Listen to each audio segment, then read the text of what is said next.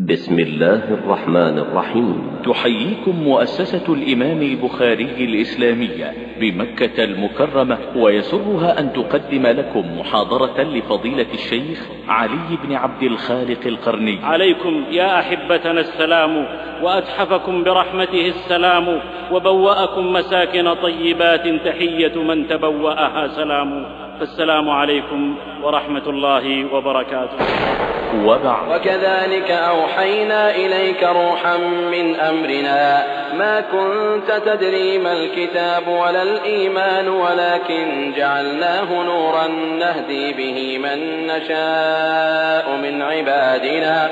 وإنك لتهدي إلى صراط مستقيم. القرآن هو النور المبين. وسنة الهادي البشير هي الصراط المستقيم. أقسمت بالله رب الجن والناس إني وإن قل حظي من تمثلها تبلى عظامي وما قلبي لها ناسي. فمن نفح إلى عهد وإيماض وإكليل مع رضاب سائغ طعمه لي كل وقت منه كأس دهاق بالأمس. والزرياب يبدو لنا من شرف يعلو جميع المراق. واليوم. ذا الجادي يدنو لنا مثل أصيل الشمس في الائتلاق. من لم يكن ينعم في روضه فما له في شمم من خلاق. إنه الجادي المدوح. إنه الجادي المدوح. في صبر النبي الرؤوف. في صبر النبي الرؤوف. دمانا فداه وآباؤنا فما غيره اليوم من مفتدى.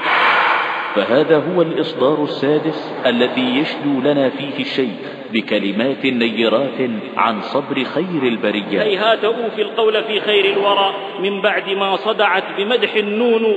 لكن أعيد القول فيه لعلني من تابعيه الفائزين أكون. صبر النبي صلى الله عليه وسلم. صبره ما صبره. فهو سيد الصابرين. عاش مرارة ولوعة اليتم في أعلى مراتب. ألم يجدك يتيما فآوى. كان صلى الله عليه وسلم سيد الصابرين. مات ثم أبوه توفيت أمه وقد تعلق بها قلبه فعظم يتمه. وفي أشد اليتم زاد مجده. توفي جده وهو يناهز الثامنة من عمره. فضمه عمه أبو طالب. ومات عمه وزوجه الكريم واعتصم النبي بالله العظيم. وبعد حزنه على عمه بأيام. فجع بزوجه ورفيق دربه أول من آمن به وواساه وصدقه وخفف عنه. فلم يفقد صبره. مات بنوه كلهم في حياته سوى فاطمة. فكان أرسى من الطود المنيق أقسم بالله أن لم يصبري في الخلق مثل المصطفى محمد. إنه صبر من أنزل عليه. اصبر صبرا جميلا. ففي دعوته إلى الله. لقي ممن كان يدعوهم إلى الله ما يشيب النواصي ويهد الصياصي وهو مع ذا صابر صبر المستعلي ثابت ثبات الواثق المستولي. فصبر على أذى المشركين والمنافقين. ما تركوا حيلة يظنون أن ستنفعهم في أن يثنوه. عن رسالته إلا طرقوها. يريدون أن يطفئوا نور الله بأفواههم. ويأبى الله إلا أن يتم نوره ولو كره الكافرون. أغروه بالمال والسيادة والنساء. فما التفت إلى ذلك ولا نظر حاولوا أن يضغطوا عليه بعمه أبي طالب. فما أثر فيه ولا انكسر. ولم يدع دعوتهم. ظل صابرا يدعو إلى الله لا يصده صاد ولا يحول بينه وبين دعوته ناد. واصبر على ما أصابك. إن من عزم الأمور. آذوه أبلغ الأذى فصبر. استهزأوا به وسخروا وهمزوا ولمزوا وسبوا وشتموا. فاصبر إن وعد الله حق.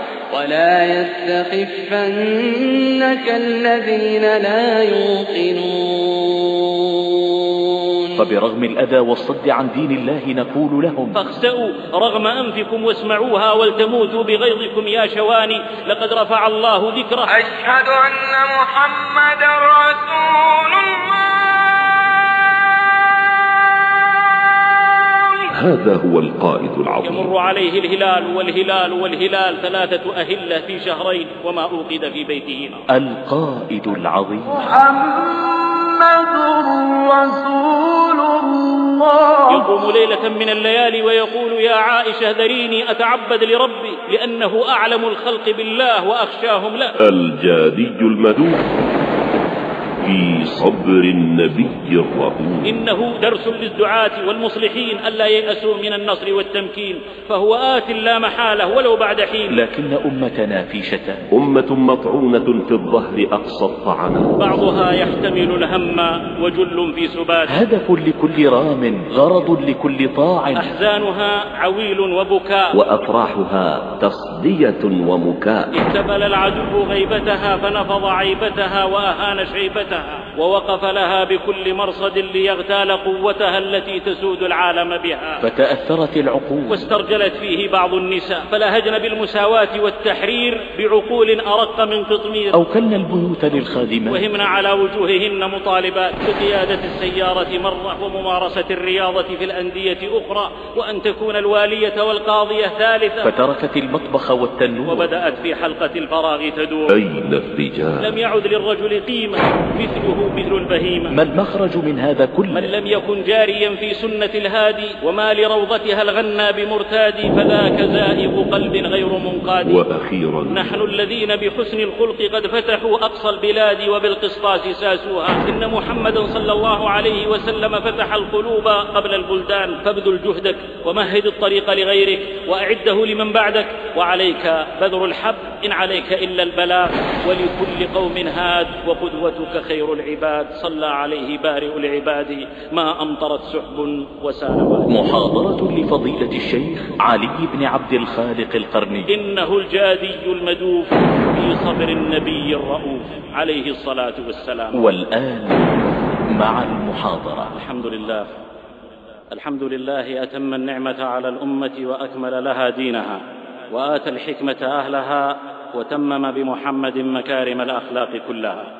وأشهد أن لا إله إلا الله وحده لا شريك له شهادة نستظل بظلها ونحيا ونموت عليها ونلقى الله بها. وأشهد أن محمدا عبده ورسوله. دعا وكل نواحي الأرض مجدبة مغبرة فإذا الغبراء خضراء. أتى جموع الطغيان ففلها وليوث الأوثان فأذلها وعقد الشرك فحلها. ودواعي الفرقة فشلها وأحقاد القلوب فسلها. بشر الأمة وأنذرها ودلها وسقاها بوابل أخلاق القرآن وعلها وحداها لعلها تعض عليها ولعلها فإن حادت فواها لها ومن لها صلوات الله وسلامه عليه وعلى آله وأصحابه وأتباعه صلاة دائمة إلى يوم تضع كل ذات حمل حملها. جزاه الله عنا كل خير ولاقته المسرة والسلام وأسكننا بصحبته جنانا تحية أهلها فيها السلام. يا أيها الذين آمنوا اتقوا الله حق تقاته ولا تموتن إلا وأنتم مسلمون. أما بعد ريحانة الأنوف الشم وخبيئة الجيب والكم دليلنا الهادي في بهيم الدياجي تاج الهامة حماة الدين باليراع واللسان والصمصامة من أحسب أنهم أولئك الخضارمة خضارمة شم الأنوف جهابذ جحاجحة بيض الوجوه عنابس بهاليل أقمار قداميس سمحوا جسومهم للمكرمات فهارس. فلو بلغ المجد السماء لأصبحت أناملهم للفرقدين تلامس. يا مرحبا مرحبا يا مرحبا بكم يا مرحبا ذات تبذير وإسراف وإن تكن مرحبا إكثارها سرف فليس إكثارها فيكم بإسراف. عليكم يا أحبتنا السلام وأتحفكم برحمته السلام وبوأكم مساكن طيبات تحية من تبوأها سلام. فالسلام عليكم ورحمة الله وبركاته. سلام كعرف الروض صافحه الندى يزك إلى أهل المكارم والندى ولا زال ما قام المؤذن للندى. حياكم الله وبياكم وأبقاكم عوامل رفع لهذه الأمة وأحياكم وحي الحيا منكم وجوها إذا انجلت.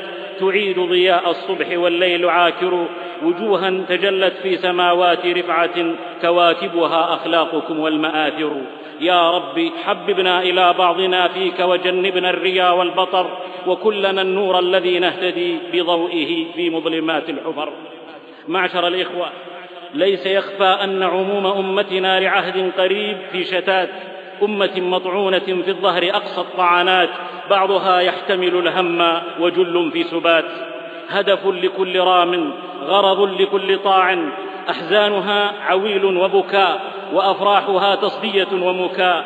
اهتبل العدو غيبتها فنفض عيبتها وأهان شيبتها. ووقف لها بكل مرصد ليغتال قوتها التي تسود العالم بها. كل ذلك عبر وسائل خسيسة قذرة تدمر الأخلاق فتذرها أشلاء مفرقة. تبيع الدين بالدنيا ولا تلقى بذا باسا وقد دفنت شهامتها وقيل لأمها تعسى. يقوم عليها معتل مأجور مختل طرطور على الخبث مأطور. قن يستطيب الصن يجري من الخبث على نسق ومن السفه في غسق. يملي وإبليس له وزير إياه يسترئي ويستشير. لقيط لقطاء الغرب الأقصى خلاف آية فرعون مع موسى. فرعون التقط موسى عسى أن ينفعه أن يتخذه ولدا فكان له عدوا وحزنا. أما هذا القن فالتقطه الغرب فكان عدوا لدينه وأهله وحزنا. يصلي لقبلته التي يصلي إليها ويخطب على الدرجة التي خطب عليها يقول لهم مستخذيا اجعلوني سيدا أكن لكم عبدا وأعينوني بقوة أجعل بين قومي وبين الفضيلة ردما وأوسعهم هدما. فرشحوه لتغريب وتفنيد واستنشدوه سفيه النسج مضطربا مستغرب المتن مجهول الأسانيد. ولولا الشعير ما نهقت الحمير. فيا عزما وحزما وانطلاقا إلى نيل الوظائف والحطام. كذبان على سقط تداعى ترنم أو تغرد بالهيام. فزادوا الطين بلة والمريض علة. وصوروا التافه خطيرا والجهام مطيرا. ويأتون المناكر في نشاط. ويأتون الصلاة وهم كسالى. وما انتسبوا إلى الإسلام إلا لصون دمائهم ألا تسالى فهم نعل الذي يعلوهم وعلى من دونهم فئران غابه فأفرز هؤلاء لنا عبر وسائلهم جيلا في عمومه عليلا. يحدو من غير بعير ويسبح في غير غدير. ينام إذا حضر المكرمات وعند الدناءة يستنبه.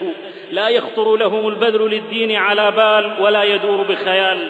لا يكاد يحفظ أحدهم من كتاب الله إلا آتنا غداءنا. ونقش خاتمه كلوا واشربوا هنيئا.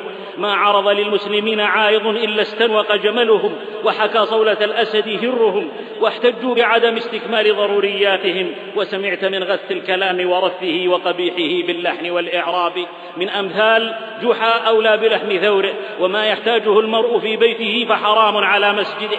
ضروبا بلحييه على عظم زوره. إذا القوم هشوا للفعال تقنعا. إذا ما مشى أو قال قولا تبلعا. جيلا مضطربا متأنثا واسترجلت فيه بعض النساء. فلهجن بالمساواة والتحرير بعقول أرق من قطمير. أوكلن البيوت للخادمات وهمن على وجوههن مطالبات. بقيادة السيارة مرة وممارسة الرياضة في الأندية أخرى. وأن تكون الوالية والقاضية ثالثة. فتركت المطبخ والتنور وبدأت في حلقة الفراغ تدور. فإذا ما لسعتها الزنابير صاحت رفقا بالقوارير وزاد الهم وأشجاه أن رجالهن اشباه يسايرونهن ويجارون ويمسكون لهن الماعون. على حد قول ابن اللعبون لم يعد للرجل قيمة مثله مثل البهيمة. متناقض فوضوي تراه يصبح مصليا صائما ثم لا يجد حرجا في موالاة الكافرين ومصاحبة الفاسقين وأكل الربا. والتحاكم لغير شرع الله بلا حياء. فإذا نصح رفع عقيرته أنا لا أعمل شيئا يغضب الله. يرى نفسه ولي الله وهو أفرغ من قصب وفي الحضيض من الحسب. ضعيف السبب سيء المنقلب. ذهبت علامة رفعه وفقدت سلامة جمعه ومالت عنده قواعد الملة وصار إلى جمع القلة وبالا على الأمة. له نحو الخنا أبواب عطف وبذل فيه تأكيد الصلات. عندها فرح الشامتون بها ونعاها النعاة على مسمع منا. وقال قائلنا كلا إنها مريضة مشفية. فحقق الله أقوالنا وخيب أقوالهم وكذب فالهم وحل ما عقدوا وتبر ما شيدوا فاندحروا وانجحروا ما هم إلا فارة في جحر ضب خرب أشرقت رغم أنفهم شمس ربي فهي أمة مرحومة محفوظة لن يأخذ أعداؤها منها إلا كما يأخذ السيل من الصخرة الصماء. ترتد عنها الرياح الهوج خاشعة وينثني كل وعل وهو كالحمل. دوت صيحات الإصلاح صاخة في الآذان فتطايرت الأثقال وانفصمت الأغلال وانطلقت تميز الأذان من المكى والتصدية والهذيان تصلح ما أفسد العدو من سمات وتحيي ما أمات وتميت ما أحيا وتبني ما هدم وتهدم ما بنى ترفع الحدث وتدفع الخبث وتؤدي الفرض والنفل وتقضي الفائت وتحيص الشق وترتق الفتح وتقول جاء الحق لم يزل فيها عبير الوحي ما حاد عنه الشيخ أو زل الغلام. أمة الإسلام ما زال على نهجها السامي رجال لم يناموا. والليل ولى والظلام تبددا والركب يمم للهدى ركب طوى دربا على اسم الله والحادي حدا. ألا أيها الأغيار فلتتيقظوا وينهض منكم قاطن إثر ضاعن نثير دفين العز من كل كامن على رغم خيشوم العدو المشاحن. ونسمو بأخلاق القرآن ونرتدي رداء من العلياء صافي المحاسن. نجدد رسم الدين بعد اندثاره ونرفع من بنيانه المتطامن. ونرعى رياض العز من كل قارة ونترك للبيقور مرعى الدواجن. وجاء الربيع وفجر بدا. سخي الشعاع عميم الجدى فكل على ضوئه زغردا. إلى أخلاق القرآن في سيرة وشمائل من خلقه القرآن. فهي الشفاء لنا مما نكابده وهي السبيل إلى جنات رضوان. يشربها القلب بكأس السمع فينتشي منها بغير خمر. إنها شمس ضاحية. وسماء صافية ضاحية وروضة فوحاء زاهية. روضة فوحاء فردوسية تلد اللذات آنا بعد آن. أتراها من حمى الفردوس؟ كلا. هي فردوس بحضن الأرض ثاني. حبوت فيها وأبوت وعثرت فيها وكبوت. أقسمت بالله رب الجن والناس. إني وإن قل حظي من تمثلها تبلى عظامي وما قلبي لها ناسي. فمن نفح إلى عرف وإيماض وإكليل مع رضاب سائغ طعمه لي كل وقت منه كأس دهاق. بالأمس والزرياب يبدو لنا من شرف يعلو جميع المراق. واليوم ذا الجادي يدنو لنا مثل أصيل الشمس في الائتلاق. من لم يكن ينعم في روضه فما له في شمم من خلاق. الجادي ما الجادي؟ الزعفران المنسوب إلى الجادية من أرض البلقاء جادي فهو نبات أجل ونفحه لا يمل كل الرياحين جند وهو الأمير الأجل. يقول العربي مشبها وجوه الأبطال في غداة الروع بالجادي تخال جدية الأبطال فيها غداة الروع جاديا مدوفا. وجادي هذه الليلة يفوق كل جادي وعود هندي وعبر وردي حكى آسا ونسرينا وشيحا والرياحين تضوع في نواحينا لننشق منه ماشينا إنه الجادي المدوف. في صبر النبي الرؤوف عليه الصلاة والسلام. كأنه ذهب من فوق أعمدة من الزمرد في أوراق كافور في روضة نصبت أغصانها وغدا ذيل الصبا بين مرفوع ومجرور. قد جمعت جمع تصحيح جوانبها والماء يجمع فيها جمع تكسير والريح قد أطلقت فيها العنان به فالغصن ما بين تقديم وتأخير والظل ما بين ممدود ومقصور. جادي يقول من لم يكن جاريا في سنة الهادي وما لروضتها الغنى بمرتاد فذاك زائغ قلب غير منقاد. إذا الجدار أمام الشمس ترفعه فلن ترى نورها في باحة الدار. جادي يقول قرآننا يسمو بنا أن نستكين ونرقدا فبه حفظنا مجد أمتنا فلم يذهب سدى هذه الربوع به غدت خصبا وبلبلها شدا.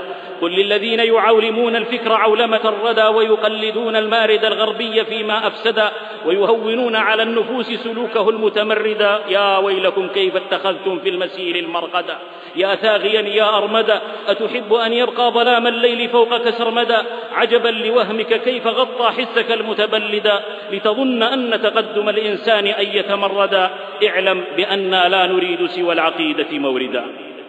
جادي يقول سبل المعالي في الأنام صعاب إن رمتها مشيا فهن عقاب. فمن العزائم صغ جناحي جارح كيما تطير لها وأنت عقاب. جادي يقول يا أهل القرآن إن خلق رسول الله صلى الله عليه وسلم القرآن ومن تخلق بالقرآن مجده وأصبحت نفسه للناس قرآنا. جادي يقول بحر المآسي ما له شاطئ وزورق الصبر طريق النجاح والفجر آت وإن طال الدجى زمنا والماء يرجى إذا ما اسودت السحب. جادي يقول الأخلاق الأخلاق يا أمة الأخلاق هي القطران والأعداء جربا وفي القطران للجربى شفاء.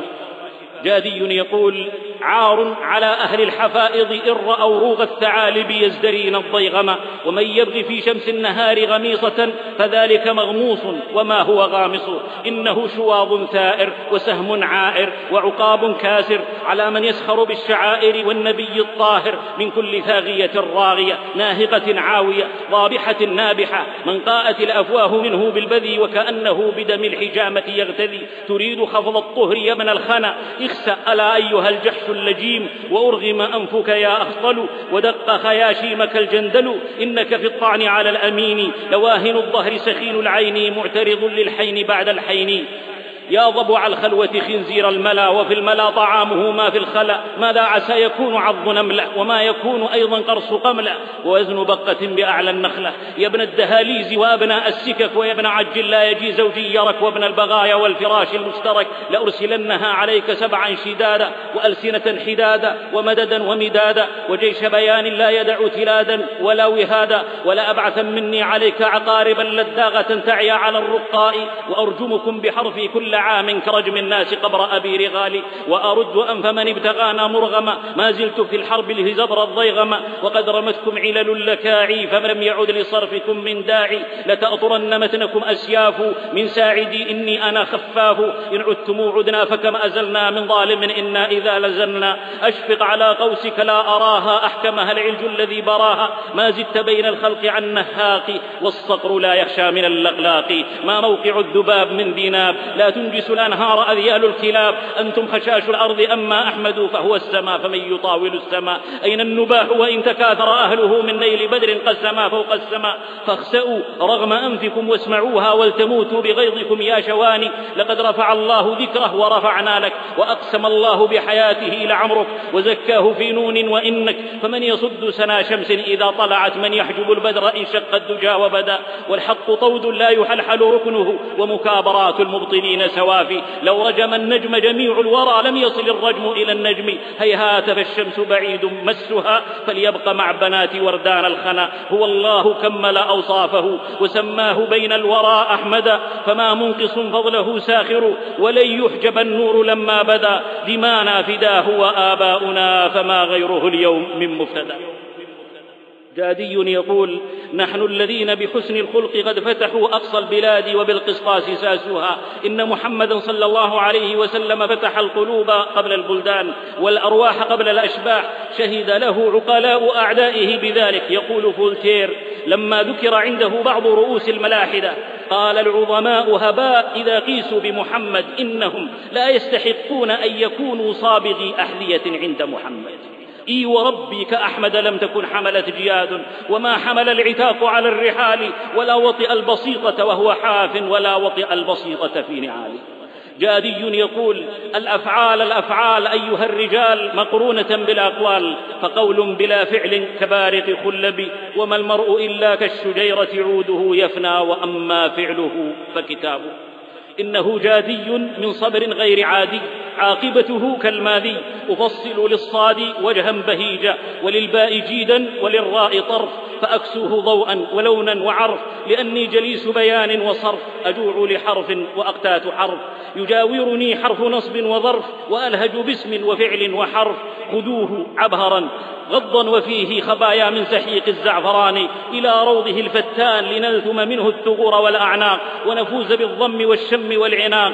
بي بجاديه قد هدني تعبي واترك عناني فإني ها هنا أربي. ودع فؤادي يمرح في مرابعه ففي مرابعه يغدو فؤاد صبي. يا لائمي في ذاك غير مجربي دعني فإني قيسها فاستفتني. لا أنتهي لا أرعوي لا أنثني حتى يكل النثر والموزون.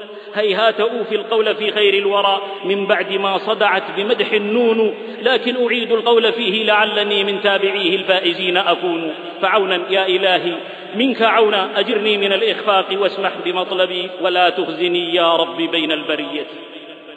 الجادي المدوف في صبر النبي الرؤوف عليه الصلاة والسلام يشد الشجي على رغم الخلي به جمعا وتثنية من غير إفراد لأنه راح أرواح وأجساد وروضه اليمن فيه رائح غادي صبره ما صبره والذي فلق الحب وأنبت الأب وذرى ما مشى ودب وهدى وأكب وسمى نفسه الرب. من بيده النواصي وعلمه أحاط بالداني والقاصي وستره عم المطيع والعاصي وأنزل الغادرين من الصياصي. إن صبره لا يجارى وثباته لا يبارى.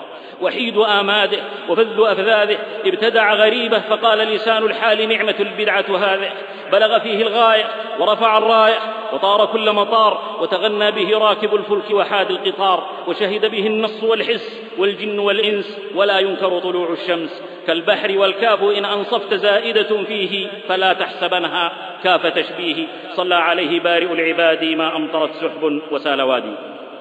كان صلى الله عليه وسلم أصبر العباد على التعبد والاجتهاد.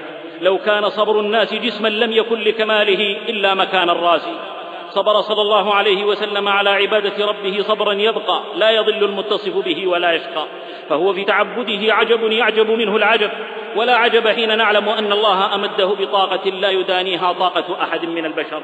تجلى صبره في استقامته على أمر الله ومواصلة العبادة في الحضر والسفر والصحة والسقم والسلم والحرب والسر والعلن عبادة دائبة يقوم معها بشؤون أهله وأمور دولته ومصالح دنياه وآخرته مع خشوع وحسن أداء لا يطمح بشر إلى بلوغ مثله. فقل للذي يسمو لذيل غباره ظلمت العتاق الشيظميات فارفقي. وقرة عينه شاهدة. ما زال يقوم الليل حتى تفطرت قدمه. يبيت يجافي جنبه عن فراشه إذا استثقلت بالمشركين المضاجع. صلى حذيفة رضي الله عنه معه ذات ليلة فافتتح البقرة فقرأها ثم النساء ثم آل عمران يقرأ مترسلا مسبحا سائلا متعوذا راكعا نحو من قيامه قائما قريبا من ركوعه ساجدا نحو من قيامه بصدره أزيز كأزيز المرجل من البكاء له في الليل دمع ليس يرقى وقلب ما يغب له وجيب.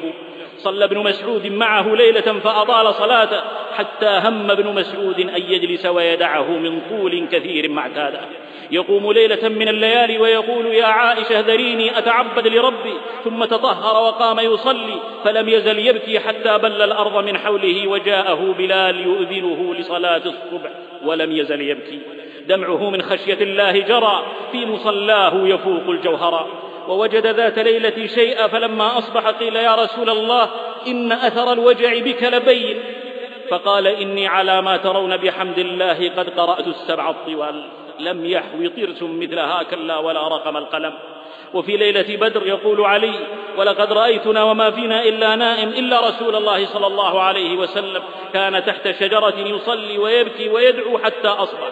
يتلقى الزاد من رب السماء طاهر القصد ملحا في الدعاء. هكذا كان حاله تعبد واجتهاد وجد وجهاد لأنه أعلم الخلق بالله وأخشاهم له. ينبيك عن ذلك قوله إني أرى ما لا ترون وأسمع ما لا تسمعون. أطت السماء وحق لها أن تئط ما فيها موضع أربع أصابع إلا وملك وضع جبهته لله ساجدا.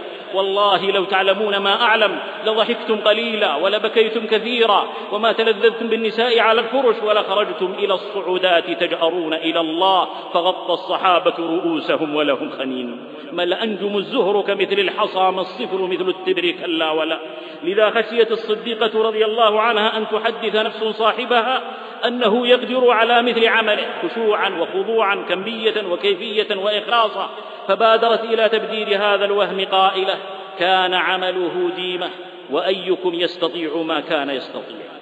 من يساويه ومن يحكيه لا ما سبيك التبر مثل الجندل لا تتبع الأوشال من بعد ما رأيت هذا العارض المسبلا أعني به هدي خير الورى من أنزل عليه فاعبده واصطبر لعبادته. صلى عليه الله ذو الجلال وصحبه وحزبه والآل.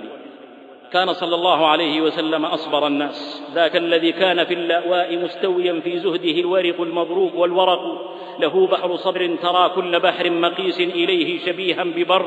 وذلك بحر عجيب الصبات عذب الموارد قذاف در. صبر صلى الله عليه وسلم على الجوع والفقر والحاجة صبرا بلغ فيه الغاية. وتجاوز النهاية وأنطق بالإفصاح والكناية. كان على يقين بأن الدنيا وما فيها وإن أعظم في الأعين القاصرة هين حقير فإنها السجن لمن آمنوا والجنة الفيحاء لمن قد كفر. يمر عليه الهلال والهلال والهلال ثلاثة أهلة في شهرين وما أوقد في بيته نار يظل أياما وليالي متتابعة طاويا وأهله لا يجدون عشاء بل يظل اليوم يلتوي من شدة الجوع ولا يجد من الدقل ما يملأ به بطنه وأكل مع صحبه ورق السمر حتى قرحت أشداقهم وخرج ذات يوم فلقي أبا بكر وعمر فقال ما أخرجكما من بيوتكما الساعة؟ قالوا الجوع يا رسول الله. قال وأنا والذي نفسي بيده لأخرجني الذي أخرجكما. ولقد أتت عليه ثلاثون من بين يوم وليلة ما له ولبلال طعام يأكله ذو كبد إلا شيء يواريه إبط بلال. ربط من شدة الجوع الحجر على بطنه ونام على الحصير حتى أثر في جنبه وناولته فاطمة كسرة خبز فقال هذا أول طعام أكله أبوك منذ ثلاث. وخرج من الدنيا ولم يشبع من خبز الشعير ليس منها ذرة في قلبه عرضت عليه مفاتيح الخزائن فأباها واختار لنفسه ولأهل بيته عيشة الكفاف. لا تحريما للطيبات ولا عجزا عن متع الحياة ولكنه استعلاء على الشهوات. أتته المغريات فمال عنها وراح يهشها هش الذباب ولم يسلك إلى الشهوات دربا ولا ولجت خطاه لها بباب. شعاره لا عيش إلا عيش الآخرة. مالي وللدنيا ودعاؤه اللهم اجعل رزق آل محمد قوتا. عليه كوامل الصلوات تترى فلا ليلا تطيش ولا نهارا.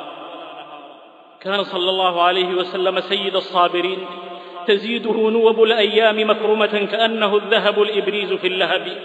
ذو مبدأ لا تهز الريح منكبه وللرياح هبوب ذات ألوان. حاز الصبر صرفا ونعتا وبلغ غاية لا تحد بإلى وحتى فهو أصبر من صاف وشتى فحال واحد في كل حال وحالات الزمان عليه شتى عاش مرارة ولوعة اليتم في أعلى مراتب مات أبوه الحر في المدينة والحمل في آمنة الأمينة. ثم توفيت أمه وقد تعلق بها قلبه فعظم يتمه فأمه ماتت لست سنوات من عمره ويا لموت الأمهات. كفله جده وضمه ورق عليه وقدمه على بنيه مستشعرا ألم يتمه بفقد أبويه وبعد عامين توفي جده وفي أشد اليتم زاد مجده. توفي جده وهو يناهز الثامنة من عمره وقد عهد به إلى أبي طالب عمه فعمه الشقيق ضمه إليه وكان فوق كل أحد إليه. لزمه ولم يفارقه لثلاث وأربعين يحوط ويذب عنه ويغضب له وينصره ويتجرع الحصار والآلام نصرة له. ومات عمه وزوجه الكريم واعتصم النبي بالله العظيم. وبعد حزنه العظيم على وفاة عمه بأيام فجع بزوجه ورفيق دربه أول من آمن به وواساه وصدقه وخفف عنه. تقول كلا بل وألف كلا يا من تعين عاجزا وكلا والله لا يخزيك رب الناس يا واصل الأرحام والمواسي إنها حمالة الحب لا حمالة الحطب. خديجة ذات العز والشرف والدر لا يخرج إلا من صدق فسمي ذلك العام بعام الحزن. جمعت عليه مصيبتان عظميان إذ فقد السند الداخلي والخارجي. لكنه لم يفقد صبره. وكما عصفت في جانبيه فلم يبت لها قلقا والطود لا يتزحزح. مات بنوه كلهم في حياته سوى فاطمة. فاحتسب وصبر على حزن. لم يبتئس لملمة عرضت لا فرحة تبقى ولا حزن. مات ابنه إبراهيم بين يديه وعمره سنتان. فكان ينظر إليه وعيناه تذرفان بدموع كالجمان. وفي ثبات ثهلان قال في غاية البيان إن العين تدمع والقلب يحزن. ولا نقول إلا ما يرضي ربنا وإنا بفراقك يا إبراهيم لمحزونون وكل نظيرة فإلى ذبول وكل مضيئة فإلى انطفاء. يخرج لبدر وابنته رقية مريضة وزينب بمكة تعيش غربة قاسية. وبينا هو في بدر قد نصره الله ماتت رقية. ماتت ووالدها بعيد عنها. ماتت قبل أن ترى نصر والدها وتطمئن على سلامته. وسوي التراب على رقية قبل وصوله. وخيم الحزن على بيت النبوة. ليت شعري كيف استقبله أحبابه في طيبة. أيهنئونه بنصر الله أم يعزونه في رقية ليت شعري كيف حاله حين التقت عيناه بعيني أم كلثوم وفاطمة. يا لله لرسول الله لخليل الله لم تصف له الحياة. الحزن والمعاناة جزء من حياته ولكنه قد قرر فقال أشد الناس بلاء الأنبياء يبتلى المرء على قدر دينه. صبر على فقد رقية وخفف عن زوجها عثمان مصيبته بقوله لك أجر من شهد بدرا وسهمه. وبأم كلثوم زوجه لينال لقب ذي النورين رضي الله عنه وأرضاه. أنباء صبر لا يقام بحقها ولو أنها كتبت بذوب العسكر وتهاجر زينب مروعة متأثرة ويردها صلى الله عليه وسلم لزوجها أبي العاص بعد إسلامه فيلتئم شمل الأسرة وتعود الحياة في بيت زينب هانئة ولكن مشيئة الله نافذة. لم يمض سوى زمن يسير حتى اشتد المرض عليها لتلقى ربها في العام الذي ردت فيه لزوجها. فخيم الحزن على النبي وامتلأت عيناه بالدموع وحزن التابع للمتبوع ووقف صابرا يتابع غسلها ويقول إذا فرغتن فآذنني فلما فرغنا ألقى إليهن إزارة وأمر بجعله مما يلي جسدها قائلا أشعرنها إياه وابدأن بميامنها ثم صلى عليها واحتسبها ثم وافت المنية أختها أم كلثوم في السنة التاسعة للهجرة فتتابع الحزن عليه صلى الله عليه وسلم بوفاتها بعد إخوتها ووقف الأب الحزين على باب الحجرة التي تغسل فيها يناول الغاسلات الكفن ثوبا ثوبا ثم صلى عليها وفي ثرى البقيع وسدها وذرف الدمع عليها وليس الذي يجري من العين ماؤها. ولو كان يبكى كل ميت بقدره إذا علمت جماتها كيف تنزح. أحلف بالله أن لم يصب في الناس مثل المصطفى محمد ومع ذا لم يطلب غير الحالة التي اختارها الله له على عظم رزاياه والخير أجمع فيما اختار خالقنا وفي اختيار سواه اللوم والشوم أقسم بالله أن لم يصبري في الخلق مثل المصطفى محمد إنه صبر من أنزل عليه فاصبر صبرا جميلا. صلى عليه ربنا وسلم والآل والأصحاب أنجم السماء. كان صلى الله عليه وسلم أرسى من الطود المنيف وأرسخ. ثبات إذا ما الشامخات ترمه ترد به رضوا ويذبل يذبلا في سبيل إبلاغ رسالة ربه تحمل ما لم يتحمله بشر. وقابل ذلك بصبر أعمق من الصبر. لقي ممن كان يدعوهم إلى الله ما يشيب النواصي ويهد الصياصي. وهو مع ذا صابر صبر المستعلي ثابت ثبات الواثق المستولي. يقول لقد أخفت في الله وما يخاف أحد. وأوذيت في الله وما يؤذى أحد. ناصبوه العداء وآذوه أشد الإيذاء. ما تركوا حيلة يظنون أن ستنفعهم في أن يثنوه. عن رسالته إلا طرقوها. يريدون أن يطفئوا نور الله بأفواههم. ونور ربك لا يطفى وإن حرص الخب اللئيم على الإطفاء واجتهد.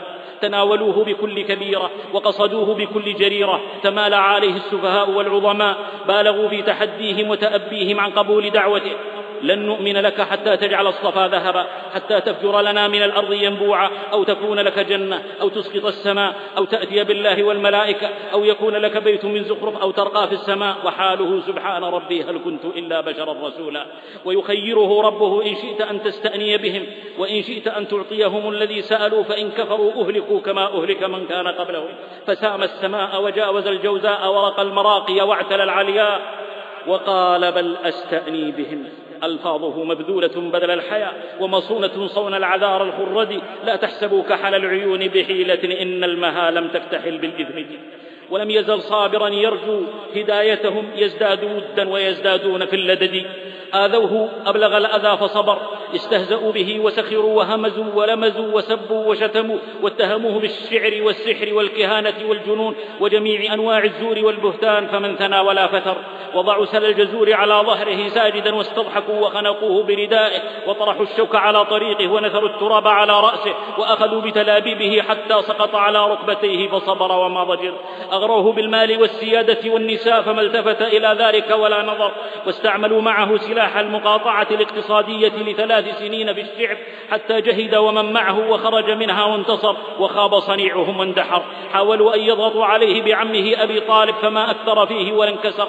لاحقوه في النوادي يثبطون عن دعوته ويخذلون الناس عنه فخيبهم الله ببيعة الأنصار الغرر.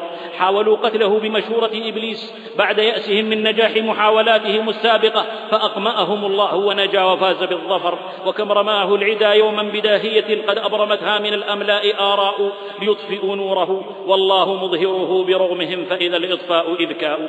لم تكن هذه الحوادث التي مرت في مكة حديث يوم وليلة لكنها ظلت ثلاثة عشر عاما. لم تفتر قريش لحظة ولم تتراجع غمضة. يزدادون كفرا وعنادا ويزداد محمد بالحق صبرا وثباتا. يقاوم الريح والأنواء مهتديا بالحق.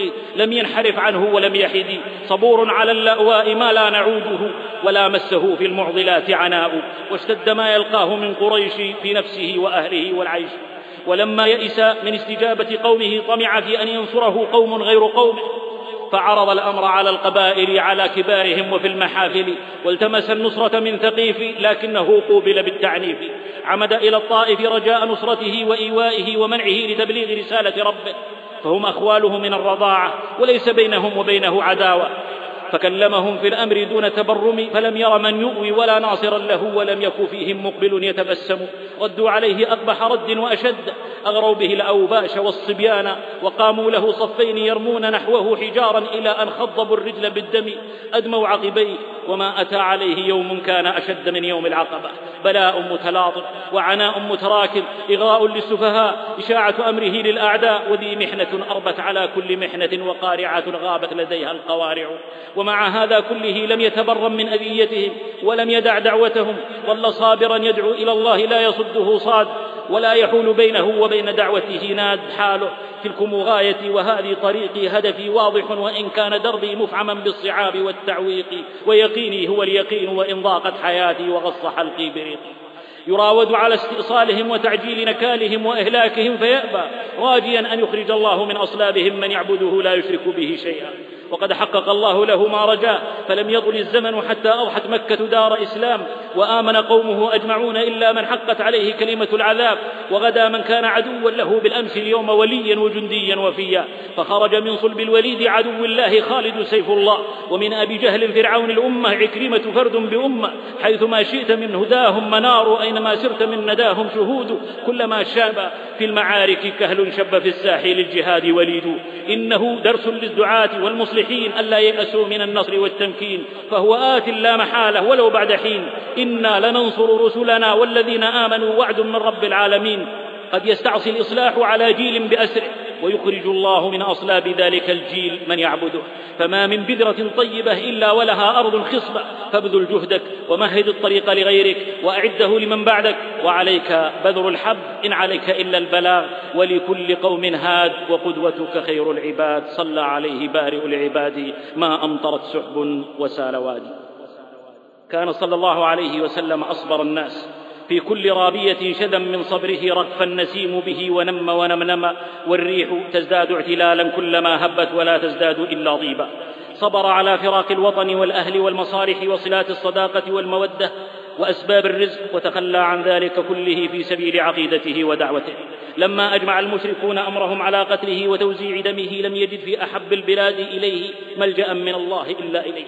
نظر فلم ير إلا عدوا متربصا وسهما مصوبا ومكرا كبارا. تنكر له من كان يلقبه بالصادق الأمين وضاقت عليه البلد الأمين فيمم وجهه لرب العالمين. إن هاجر الإنسان عن أوطانه فالله أولى من إليه يهاجر إذ أذن الله له بالهجرة وشرح الله تعالى صدره وقررت قريش أن تمنعه من الخروج أو ترى مصرعه ولم يخافوا من عقاب ربهم بل مكروا ومكر الله بهم ومر بينهم وهم ينتظرون خروجه لكنهم لا يبصرون.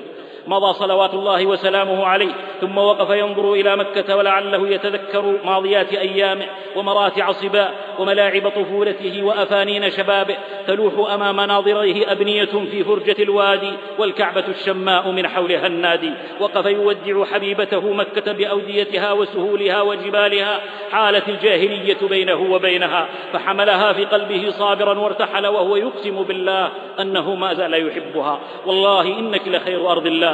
وأحب أرض الله إلي ولولا أني أخرجت منك ما خرجت ولو أجابته لأبكت من حولها لو سمعها.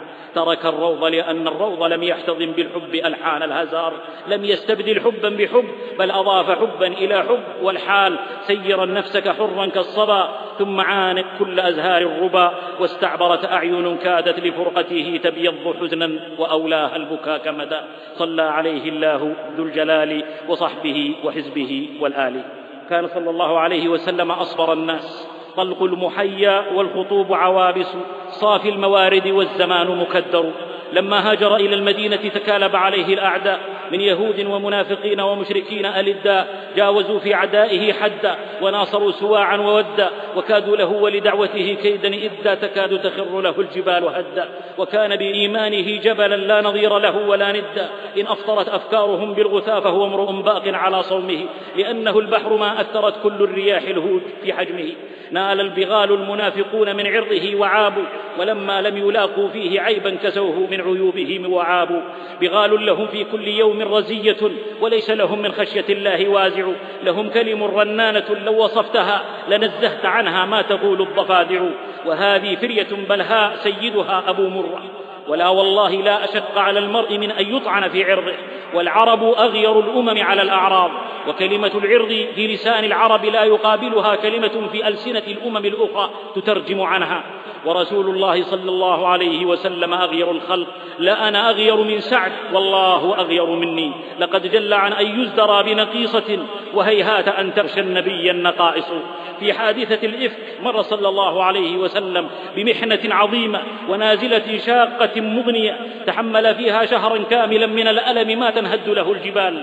وأضيف لهذه النازلة أن انقطع الوحي عنه تلك المدة ليجري عليه البلاء والامتحان ويعظم الزلزال. ظل القلب النقي الكبير مقرونا بآلام أخف منها طعن الرماح ووقع السيوف على الهام. حملت من ألم ما لو تحمل من أمثاله جبل لندك تفكيتا وصاحبه الصديق وآل بيته يا لهم عقد هول الفاجعة ألسنتهم. يا إلهي من هموم تتوالى وهجير لم نجد فيه الظلال. فاض الألم على لسان الصديق الوقور الصابر الذي استفزته ضراوة الإشاعة فقال كلمة تحمل من المرارة ما تعجز عنه العبارة. والله ما رمينا بها في الجاهلية أفنرضى بها في الإسلام. تئن الضلوع وما يستجيب لهذا الأنين سوى الأضلع. في الصدر ضيق وما بين اللهات شجا وفي اللسان وفي تبيانه لفف. ورسول الله صلى الله عليه وسلم في لهفة الإنسان وقلقه يتألم لألم أصحابه زيادة على ما به. عزيز عليه ما عنتم حريص عليكم بالمؤمنين رؤوف رحيم. صعد المنبر يطلب كف أذى جرثومة النفاق قائلا من يعذرني من رجل بلغني أذاه في أهلي والله ما علمت على أهلي إلا خيرا. ولقد ذكروا رجلا ما علمت عليه إلا خيرا. فقام سعد بن معاذ رضي الله عنه وقال أنا أعذرك. إن كان من الأوس ضربنا عنقه وإن كان من إخواننا الخزرج أمرتنا ففعلنا. فأخذت الحمية سعد بن عبادة فقال كذبت لا تقتله ولا تقدر على ذلك. فقام أسيد بن حضير فرد على ابن عبادة قائلا كذبت لعمر الله لنقتلنه إنك منافق تجادل عن المنافقين. تأزم الموقف ورقص الشيطان طربا وتمايل ابن أبي فرحا ساءت الأحوال واختلت ونقصت الأفعال واعتلت وزاد الغم وفك المدغم ووقعوا في تعسير وكادت تشب فتنة تجعل الجمع جمع تكسير غليان في النفوس هيجان واضطراب. ابن عبادة اجتهلته الحمية فقال كلمة خطيرة دفاعا عن رأس النفاق في ساعة غضب نسي فيها نفسه. وأسيد يطلق أخرى غضبا لله ولرسوله ينسى فيها نفسه فيقتحم نية سعد وقلبه وضميره. ويبقى رسول الله صلى الله عليه وسلم الشامخ العالي في السبسب الأرحب على المنبر يقتل الفتنة ويعيدهم إلى الصواب والحكمة. سعد ملء السمع والبصر وأسيد ملء السمع والبصر. الأمر لا يتحمل فجوة أو جفوة. فيا سحر فرعون ماذا تقول إذا جاء موسى وألقى العصا؟ لم يزل يخفضهم حتى سكتوا ونطقت الحكمة. ونزل والألم يعتصر قلبه وحال كل أحد من صحبه. يا هول ذلك من مرأ شهدت وقد وددت لو كنت أعمى لا أشاهد. عائشة يا لعائشة كاد الحزن يهلكها لا يرقأ لها دمع ولا تكتحل بنوم. غصص تكاد تفيض منها نفسها ويكاد يخرج قلبها من صدرها. أقبل صلى الله عليه وسلم بعد المشهورة إلى الحصان الرزان يطلب شافي البيان فجف ماء العين في موقها واحتبست أواه في قلبها وانفجر من صدرها كالبركان قول نبي الله يعقوب وقد نسيت اسمه لعظم الأحزان قائلا والله لا أجد لي ولكم مثلا إلا قول أبي يوسف فصبر جميل والله المستعان على ما تصفون. ثم تحولت واضطجعت على الفراش والله يعلم أنها بريئة. وفي النفس ما أعيا العبارة كشفه وقصر في تبيانه النظم والنثر.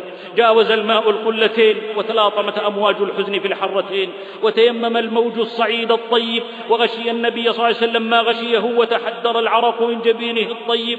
ونزلت آيات براءة الصديقة وبيت النبوة الطيب. كعرف الباني مع نفح الورود وطيب المسك مع أنفاس عود. انشرحت الصدور وامتلأت بالحبور وتبدلت الشرور بالسرور. وفضح وفضح الأفاك المأفون وتوعد بأعظم الشرور والذي تولى كبره منهم له عذاب عظيم. وخرج رسول الله صلى الله عليه وسلم إلى الناس يقرر حكما من آيات سورة النور. لا يزول مفاده أن عائشة رمز الطهر والعفة ومن قذفها بعد فقد كذب الله وكفر وقد تعدى واستطال واجترى وخاض في بحر الهلاك وافترى. خرج صلى الله عليه وسلم من أعظم معركة نفسية خاضها منتصرا كاظما آلاما محتفظا بوقائع لم يؤثر عنه كلمة تدل على نفاذ صبره أو ضعف احتماله. فما ارتاب بدر من تكلب نابح ولا ارتاع ليث من طنين ذباب وكل أذيات عرته روافع لرتبته عند الإله المعظم. فلو كان يعرو التبر هون بعرضه على النار لم يعرض عليها وتلحم. فأعظم بصبر المصطفى عند ضره إنه صبر أولي العزم من الرسل من أنزل عليه واصبر على ما أصابك. فاصبر على ما يقولون. فاصبر إن وعد الله حق. صلى عليه الله ذو الجلال وصحبه وحزبه والآل. كان صلى الله عليه وسلم أعظم الخلق صبرا. فإذا المعالي أصبحت مملوكة أعناقها بالصبر فهو المالك. يتلقى الخطوب والشدائد بقلب لا يخضع للنوائب. وعزم تزول الراسيات ولا يزول. يفيض في كل قلب من عزائمه روح تعيد شباب النفس في الأهب وأقرب مثال على ذلك وقعة أحد. ابتلى الله فيها المسلمين وفضح المنافقين ولقي فيها صلى الله عليه وسلم بأسا شديدا وهو كالجبل الأشم في وجوه المشركين. فثبير ذو الشرفات لا متزلزل لعواصف مرت ولا متهدد. شد وجهه وجوحت شفته ووقع في حفرة وأصيبت ركبته وكسرت رباعيته وهشمت البيضة على رأسه ودخلت حلقتان من حلق المغفر في وجنته وسال الدم على وجهه فجعل يسلته بيده ويصلي يومئذ جالسا لما به ويحكي نبيا من الأنبياء أدماه قومه وهو يمسح الدم عن وجهه ويقول اللهم اغفر لقومي فإنهم لا يعلمون. يعرض التبر على النار فمن حرها يكتسب التبر الصفاء ويصبر على قتل أصحابه ومقربيه وعلى رأسهم أخوه وعمه حمزة سيد الشهداء أسد الله وأسد رسوله وسيف يمينه. من يعدل الألوف عند التحام الصفوف ويتقدم بالذات والأفعال تقدم الأسماء على الحروف. لم يزل سداد ثغر فاتحا بالعوالي كل ثغر مقفل وقف على القتلى بعد المعركة فذرفت عيناه وسالت دموعه على لحيته وعظم حزنه حين وجد عمه حمزة ببطن وادي قناء وقد مثل المشركون به جدعوا أنفه وبقروا بطنه ولاكوا كبده أصيب المسلمون به جميعا هناك وقد أصيب به الرسول. فلم يكن منظر أوجع لقلبه منه. بكى وأبكى من حوله وقال لولا أن تجد صفية في نفسها لتركته حتى يحشره الله من بطون السباع وحواصل الطير لن أصاب بمثله أبدا. ما وقفت موقفا أغيض إلي من هذا. وأصابه من قتل حمزة عمه. ما لو أصاب الشم كن صحاري.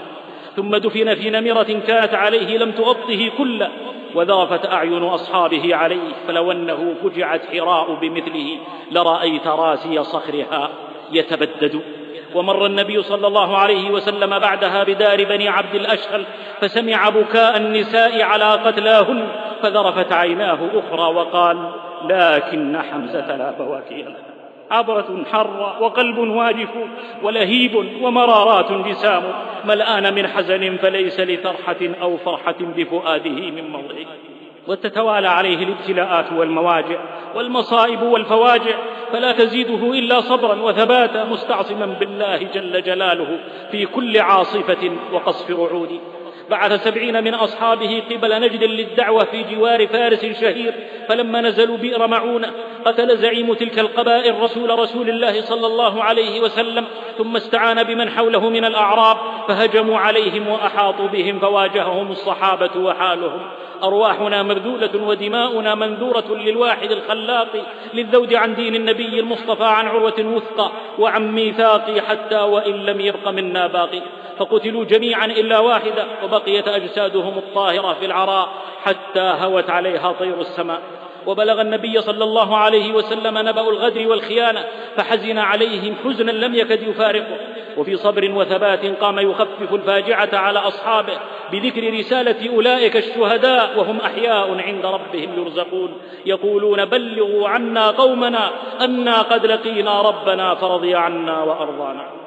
أرج السعادة من ثراها ينفح تسري الكواكب طالبات شأوها وتبيت في بحر المجرة تسبح. يقول أنس ما رأيت رسول الله صلى الله عليه وسلم وجد على أحد ما وجد على أصحاب بئر معونة. مصاب لو تحمله ثبير دعا ويلا وأتبعها ثبورا ولم نعهده في سراء حال ولا ضرائها إلا شكورا.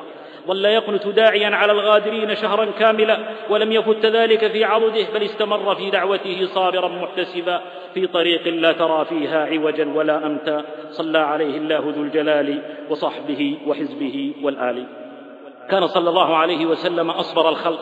رفعت له بالصبر أشرف راية فوق الانام لمثله لم ترفع. صبر على أذى المنافقين والصبر عليهم مر ولكن لا حيلة معهم غير الصبر. لأنهم يزعمون الإسلام ويظهرون الولاء وهم عيون الأعداء يتربصون بالمسلمين ويتتبعون عورات المؤمنين ويخططون في السر ويمكرون. لا خير ما في الكلب فيهم ولا ما في ابن حواء من نقاء الصميم. كم شم المسلمون رائحة النفاق في لحن قول أحدهم فاستأذنوا النبي صلى الله عليه وسلم في قتله فقال في صبر لا متنفس فيه. لا يتحدث الناس أن محمدا يقتل أصحابه. تزهو بحسنها وبالجمال تضيء مثل أنجم الليالي. وها هو صلى الله عليه وسلم قد ركب حمارا وأردف وراءه أسامة قاصدا عيادة سعد بن عبادة فمر بمجلس فيه أخلاط من مسلمين ومشركين ويهود وفيهم ابن رواحة رضي الله عنه شامة زاهية وفيهم الجلف بن أبي تاغية دنس الحاشية في جنس الماشية تغشاه من المخازي غاشية إثر غاشية تراه يعطي الفعل حرف جر ولا يرى للمصدر انتصابا. فلما غشيت المجلس عجاجة الدابة خمر ابن أبي أنفا بسوء مقاله شهد الزمان. له صور الرجال وما رأينا له قدرا ولا وجها يصان. يقول لا تغبروا علينا. ولما دعاه الرسول صلى الله عليه وسلم ومن معه وقرأ عليهم القرآن قال لا أحسن من هذا إن كان ما تقول حقا فلا تؤذنا في مجالسنا وارجع إلى رحلك فمن جاءك منا فاقصص عليه. أتعجبون؟ لا عجب إن الحمير لم يمس بين التلاوة والنهيق. فقال ابن رواحة بل ارشنا في مجالسنا فإنا نحب ذلك. فما سعدت بغير هداك نفس ولو ملكت كنوز العالمين.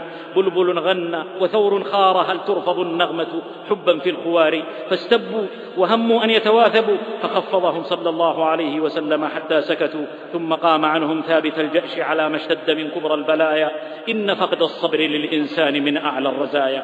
ولم يزل رأس النفاق يتجرأ. وينتقص ويصد عن دعوته للخزي أرأى من غراب وعن سنى الهدى أعمى من ركام السديد قيل للنبي صلى الله عليه وسلم لو أتيت ابن أبي فانطلق إليه وقد ركب حمار فانطلق المسلمون معه في أرض سبق. فلما أتاه النبي صلى الله عليه وسلم قال إليك عني فقد آذاني نتن حمارك.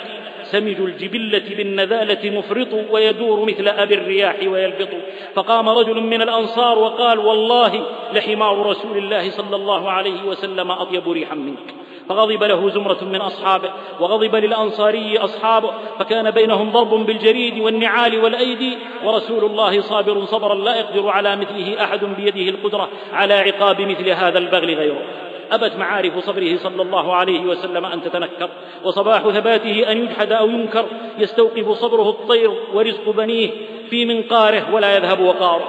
فحقق الله مراده ونشر دينه وقلل أعداءه وحساده فلم نعرف له في الصبر قبلا ولم نعرف له في الفضل بعد. حوى همم الرجال فكان جمعا وأفرد بالثبات فكان فردا. عليه كوامل الصلوات تترى فلا ليلا تطيش ولا نهارا كان صلى الله عليه وسلم أصبر الخلق دهته نوازل لو زرن رضوى لما أبقين رضوى أو شماما.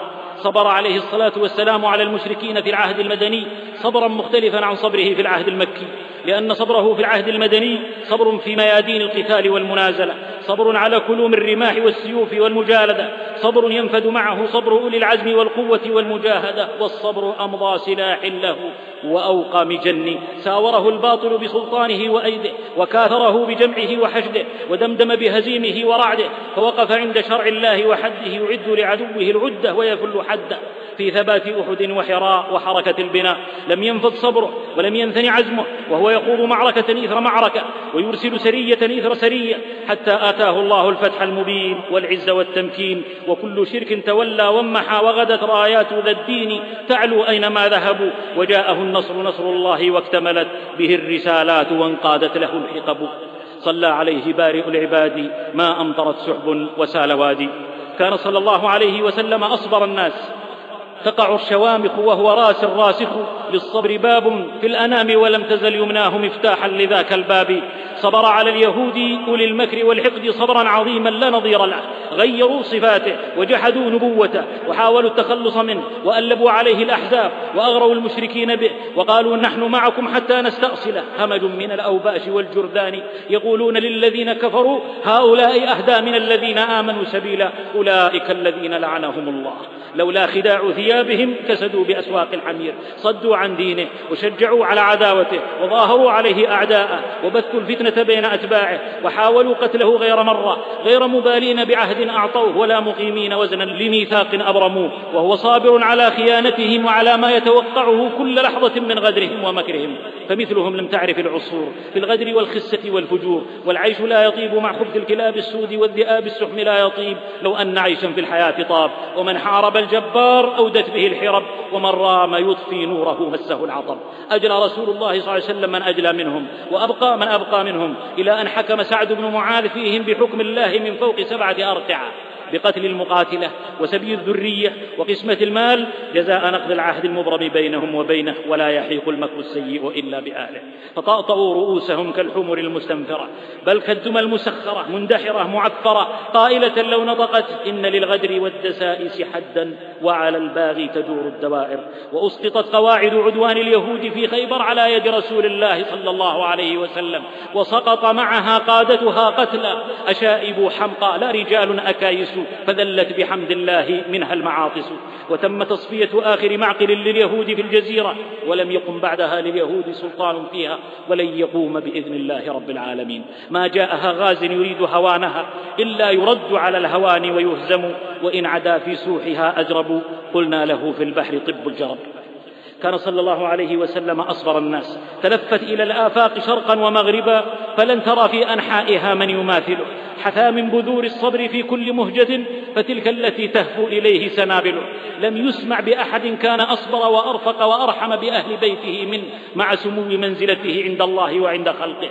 جمعت له من عقد كل فضيلة دور تروق لغيره لم تجمع في الصحيح أن عمر رضي الله عنه قال كنا معشر قريش نغلب النساء فلما قدمنا على الأنصار إذا قوم تغلبهم نساؤهم فطفق نساؤنا يأخذن من أدب نساء الأنصار.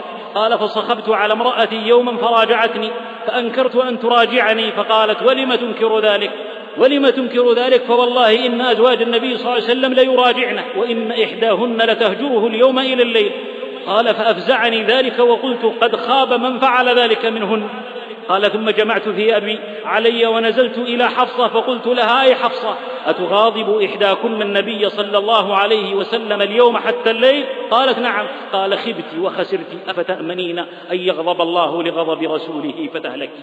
أرأيت كيف انزعج عمر من مراجعة يسيرة راجعته بها زوجته والنبي صلى الله عليه وسلم يقبل مراجعة نسائه ويتحمل غضبهن حتى يهجرنه اليوم كله وما ذلك والله إلا لعظيم صبره وخلقه الذي لا يحتاج إلى دليل ولا يتطرق إليه بتعليل ولا يخاف على محكمه وارد نسخ ولا عارض تأويل فقد صح من كل سبيل. ها هو ذا يلاطفهن في القول وكأن لم يصدر منهن شيء ذو بال. يقول لعائشة إني لأعلم إذا كنت راضية عني وإذا كنت غضبة قالت كيف؟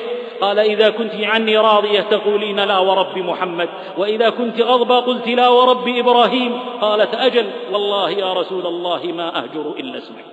القلب منزلك القديم فإن تجد فيه سواك من الأنام فنحيه كان صلى الله عليه وسلم عند بعض نسائه فأرسلت إحدى أمهات المؤمنين بصحفة فيها طعام فضربت التي كان النبي في بيتها يد الخادم فسقطت الصحفة فانفلقت. فجمع النبي صلى الله عليه وسلم فلق الصحفة وجعل يجمع فيها الطعام ويقول كلوا غارت أمكم. ثم حبس الخادم حتى أتي بصحفة من عند التي هو في بيتها فدفع الصحيحة إلى الخادم وأمسك المكسورة في بيت التي كسرتها. صحفة بصحفة وكأن لم يكن شيء أحلى وأعذب من رحيق السلسل.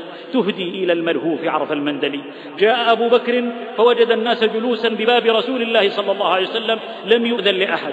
فاستأذن فأذن له. واستأذن عمر فأذن له. فوجدوا النبي صلى الله عليه وسلم جالسا واجما حوله نساؤه. فقال عمر لأقولن شيئا أضحك به النبي صلى الله عليه وسلم. ثم قال يا رسول الله لو رأيت بنت خارجة وقد سألتني النفقة فقمت إليها فوجأت عنقها. فضحك رسول الله صلى الله عليه وسلم وقال هن حولي كما ترى يسألنني النفقة. فقام أبو بكر إلى عائشة يجأ عنقها وعمر إلى حفصة يجأ عنقها كلاهما يقول تسألن رسول الله ما ليس عنده. فقلنا والله لا نسأل رسول الله شيئا ليس عنده أبدا. معبقة بأريج الورود مسربلة بالحياة والندى. هذا خير البرية. يصبر على أهل بيته. تظل إحداهن هاجرة له اليوم كله. تهجر اسمه وتستطيل إحداهن بيدها بين يديه وتكسر الصحف. وهو قادر على أن يفارقهن فيبدله الله خيرا منهن كما وعده ربه. وإن كل لبيب سيظهر له بجلال لو أنه مكان رسول الله صلى الله عليه وسلم. ماذا سيفعل في مثل هذه المواقف؟ لكنه صلى الله عليه وسلم خير الناس للناس وخيرهم لأهله. شعاره خيركم خيركم لأهله وأنا خيركم لأهلي. فله المحامد في الملأ. كالآي تتلى لا تمل ويمل وجه البدر في تم وهذه لا تمل. حث المضي فقد قضت أوطارها. واحدوا إلى هذه الخلال قطارها. لقد كان لكم في رسول الله أسوة. صلى عليه الله ذو الجلال وصحبه وحزبه والآل. كان صلى الله عليه وسلم أصبر الناس. فلغير الله لم يحن الجبين ولغير الله ما مد اليمين صبر في دعوته متمثلا أمر ربه عز وجل. فاصبر كما صبر أولو العزم من الرسل. صبر صبر إبراهيم على نمرود في جبروته صبر موسى على فرعون في كبريائه وعتوه. صبر عيسى على بني إسرائيل وقد أجمعوا قتله. صبر نوح على قومه قريبا من ألف سنة. صبر يعقوب على فقد يوسف وأخيه حتى ذهب بصره. صبر يوسف على كيد إخوته وسجن العزيز ومكر زوجته. صبر أيوب على الضر الذي مسه. فاجتمع له من دواعي الصبر ما حصل لمجموعهم من صبر على الدعوة كنوح والإيذاء كإبراهيم وموسى وعيسى وعلى فراق أتباعه الذين هم بمنزلة أبنائه حين هاجروا للحبشة كصبر يعقوب وعلى كيد أقربيه كصبر يوسف وعلى سحر وسم وضر مسه كصبر أيوب حتى غدت راية الإسلام خافقة من المدينة حتى الصغد والجند. قوة الإيمان تحيي فاعلما ورد لا خوف عليهم فاقرأ قلبه من لا تخف قلب سليم حين يمضي نحو فرعون كليم. يا صبر هذا المبتدأ فأين يا صبر الخبر؟ هل علمت أحدا تحلى بك كما تحلى؟ كأني بك لو نطقت لقلت كلا وألف كلا. فما في العالمين له جميعا. نظير كان أو سيكون كلا. الناس في الصبر هضب وهو أعالي الجبال. ذو رتبة بعدت عن تنازع واشتغال. بذل وسعه وطاقته وحطمه الناس حتى صلى جالسا في آخر حياته. صدر من بعض المسلمين سوء معاملة له بغير قصد فصبر. مني بجفاء الأعراب جبلة وغفلة وجهلا فصبر. جبذه أحدهم بردائه حتى أثر في عنقه فأعطاه سؤله وصبر. وما كهر ولا نهر. ورفع الآخر صوته عنده حتى نزلت لا ترفعوا أصواتكم فصبر. وسمع من بعضهم ما يكره ولتأليفهم صبر. وجحد الأعرابي الآخر شراءه منه فرسه. حتى شهد له خزيمة فصبر ومكفهر وصدر غير ذلك مما يحسن الصفح عنه كتظاهر زوجيه عليه فصبر. ما سمعت منه كلمة نابية ولم تحفظ عليه بادرة أو لفظة جارحة فكأنه فلك تلوح نجومه من دونه يدنو السها والفرقد. عليه أتم أصناف التحايا وأكمل ما عليه به يصلى. وبعد إخوتي هذا رسول الله صلى الله عليه وسلم. شمائله اغتدت جنات عدن وللإنسان فيها ما تمنى. منقولة محفوظة كاملة غير منقوصة وهي حجة على الخلق بالبيان العملي الحي مع البيان النظري فهو الصابر المحتسب في كل حال. قام مقام اليتيم والسجين والمخرج من وطنه ومات ولده أو زوجه أو عمه أو أبناء عمه أو قتل خلص أصحابه بين يديه. قام مقام من أوذي واستهزئ وسخر به ومن اتهم في صدقه وعقله وعرض أحب أزواجه إليه قام مقام من وعك وعكا شديدا وجرح وافتقر فما جزع وما اكفهر. كرف بالسمو أنى تجلى شامخا في الجبال أو في الرجال فكان لنا منارا في خضم وكان حيا أغاث الظامئين. فيا خدين الهم قد خاب من حاد يوما عن محجته. أما الذي هو عنها لم يحد فنجا. يا سجين الغم أبصر واسمعي من رسول الله لا تحزن وعي. ذلك النصح سرى في قلبه فغدا الصديق صديقا به. آن أن تقطف الزهر وتدني ثمر الصبر من رياض الرؤوف. ذا صبره صلى الله عليه وسلم. بين مهيع يثنى ويجمع ويحمل منه ما قيس على ما يسمع. يعلو على القمم الرفيعة والذرى ويحوم فوق مفارق الجوزاء. لم أبلغ فيه المراد ولا وفى اللسان بما في الفؤاد. الجوارح تعتذر والغد ينتظر. وما عسى يبلغ بياني فيه وقد راهن الجوزى فبذها. وتخطى مراقي الفراقد فاطرحها إلى ما فوقها ونبذها. فلو أخرجت طير البلاغة من أوكاره وقلت فيه بعيون الكلام وأبكاره ما قضيت حقه بعد ولا قلت إلا بالذي علمت سعد. ليت شعري والله مثن عليه ما عسى جهد قائل أن يقول. هو اللؤلؤ المكنون في صدف الصدف عليه صلاة الله ثم سلامه وآل وأصحاب به استكملوا الشرف. بهذا الخلق سجل أتباع محمد صلى الله عليه وسلم صفحات مضيئات تشيع نشاطا في قوى الشيخ والفتى ويغذى عليها الطفل منا ويرضع. فوق السماء خيامها مضروبة فلخيلها مسرا. هناك ومسرح حيث النجوم تعد من حصبائها والبرق منها بالسنابك يقدح. وإني لأستنشي شذاها وعطها وأشدو لها من نشوة وأوقع. هذا أحد الراشدين بل ثالثهم ثالثهم عثمان ذو النورين. ذو الحلم والحياة بغير غير مين بحر العلوم جامع القرآن منه استحد ملائك الرحمن. هاجر الهجرتين بأهله فصبر ومرض زوجه رقية حتى ماتت ومات عبد الله ابنه منها فصبر. ثم ماتت أم كلثوم وانقطع بموتها صهره لرسول الله صلى الله عليه وسلم فصبر. وذي هي الدنيا وذا حالها. ما تبتغي ينأى ويدن الذي عز وإن العيش كر وفر. ما غيرت تبرا حرارة حرقه كلا ولا أخفى الظلام الفرقدا حاصره الهمج الرعاع السفلة الأراذل الغوغاء وتظاهروا وتآمروا وتنابحوا وتضابحوا وعوت عليه كلابهم. تنبح أحيانا وأحيانا تهر وتتمطى ساعة وتقدحر. منعوه الشراب من بئر رومة وهو الذي اشتراها للمسلمين بخير منها في الجنة وله دلوه فيها مع دلائهم. منعوه من الصلاة في مسجد نبيه وهو الذي اشترى بقعة من أهلها بخير منها في الجنة وزادها فيه. وهو صابر مصابر يأبى أن يدفع عنه أصحابه ويقول لا أكون أول من خلف محمدا صلى الله عليه وسلم في أمته بالسيف.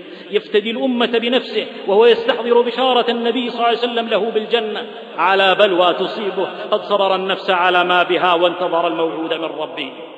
ويرى في المنام رسول الله وأبا بكر وعمر يقولون اصبر فإنك تفطر عندنا القابلة. فأصبح صائما ونشر المصحف بين يديه ودخل عليه السبئيون المجرمون وقد أجمعوا أمرهم ومكروا مكرهم وعند الله مكرهم. فقال رضي الله عنه بيني وبينكم كتاب الله فأبوا وأعرضوا صمت الآذان عن ذاك البيان ضاع في ضوضائهم ذاك الآذان وأهووا بالسيف على ذي الثمانين فاتقاه باليمين فقطعت ووالله إنها لأول كف في الخطة المفصل المبين ثم تناولوه بالسيف والمصحف بين يديه ليجري الدم على قول الله فسيكفيكهم الله ويلقى الله. فغودر مقتولا بغير جريرة ألا حبذا ذاك القتيل الملحب. قتيل شهيد مؤمن شقيت به نفوس أعاديه صبور مطيب. ولقي الله وإنه ليحيي الليل بركعة يجمع فيها القرآن كله. وكان البحر فوق الأرض يمشي فعاد البحر من تحت التراب. بهذا الخلق تلقت امرأة مسلمة خبر فقد ابنها وأبيها وزوجها وأخيها مع رسول الله يوم أحد. فلما نعوا لها لم تكترث بل ظلت تسأل ما فعل رسول الله صلى الله عليه وسلم. قالوا يا أم فلان هو بحمد الله كما تحبين. قالت أروني؟ فأشير إليه. فلما رأته قالت كل مصيبة بعدك جلل. كادت تسيل بلاغة وفصاحة في كل واد.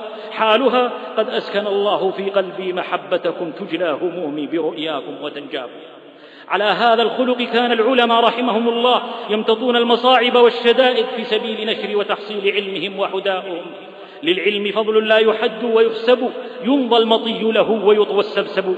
فهم منجم صبر وعلا بورك الهدي ويا للمنجم ابن كثير وهو يؤلف جامع المثاني ما زال يكتب فيه في الليل والسراج ينونص حتى ذهب بصره معه.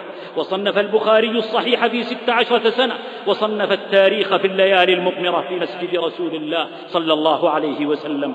والمسجد فراش عطاء عشرين سنة. وما فقد إبراهيم الحربي من مجلس علم خمسين سنة.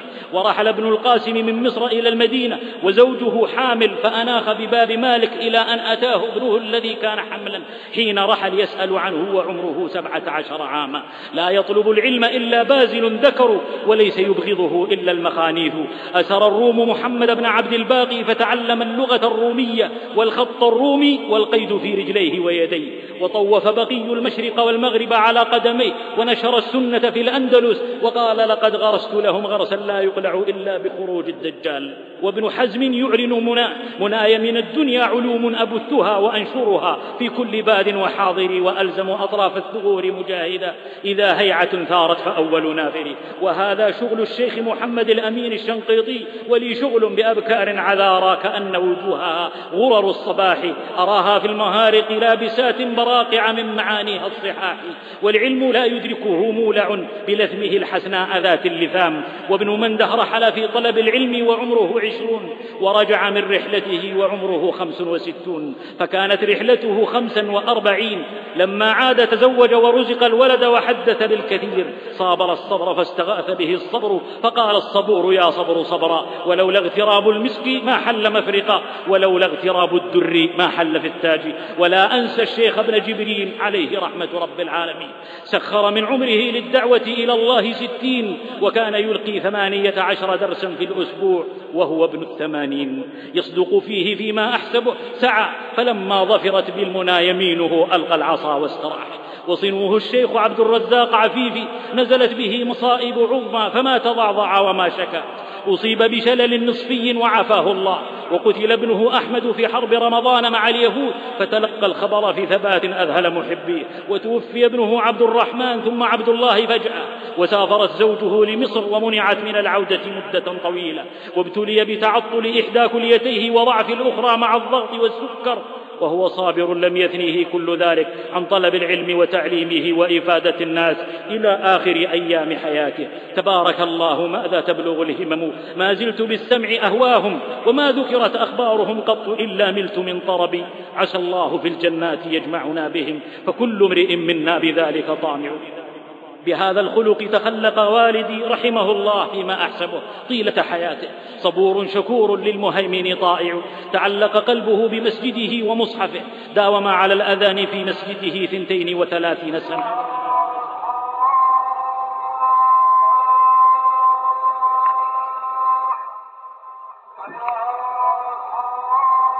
كان آية في ضبط وقته وبقائه في المسجد أكثر من بقائه في بيته والبقاء بعد الفجر فيه إلى ارتفاع الشمس ذاك ديدن حتى في يوم وفاته فالمسجد بيته قبل بيته الله يجبر بعده الأحباب والمسجد المحزون بابا بابا لم يفرق قيام الليل في الحضر والسفر والصحة والمرض فحين أصابه مرض قبل وفاته بعام كان يصلي على جنبه وأدخل المشفى ليلة فقام يعتمد على الجدار حتى توضأ وعاد وقام قيامه المعتاد.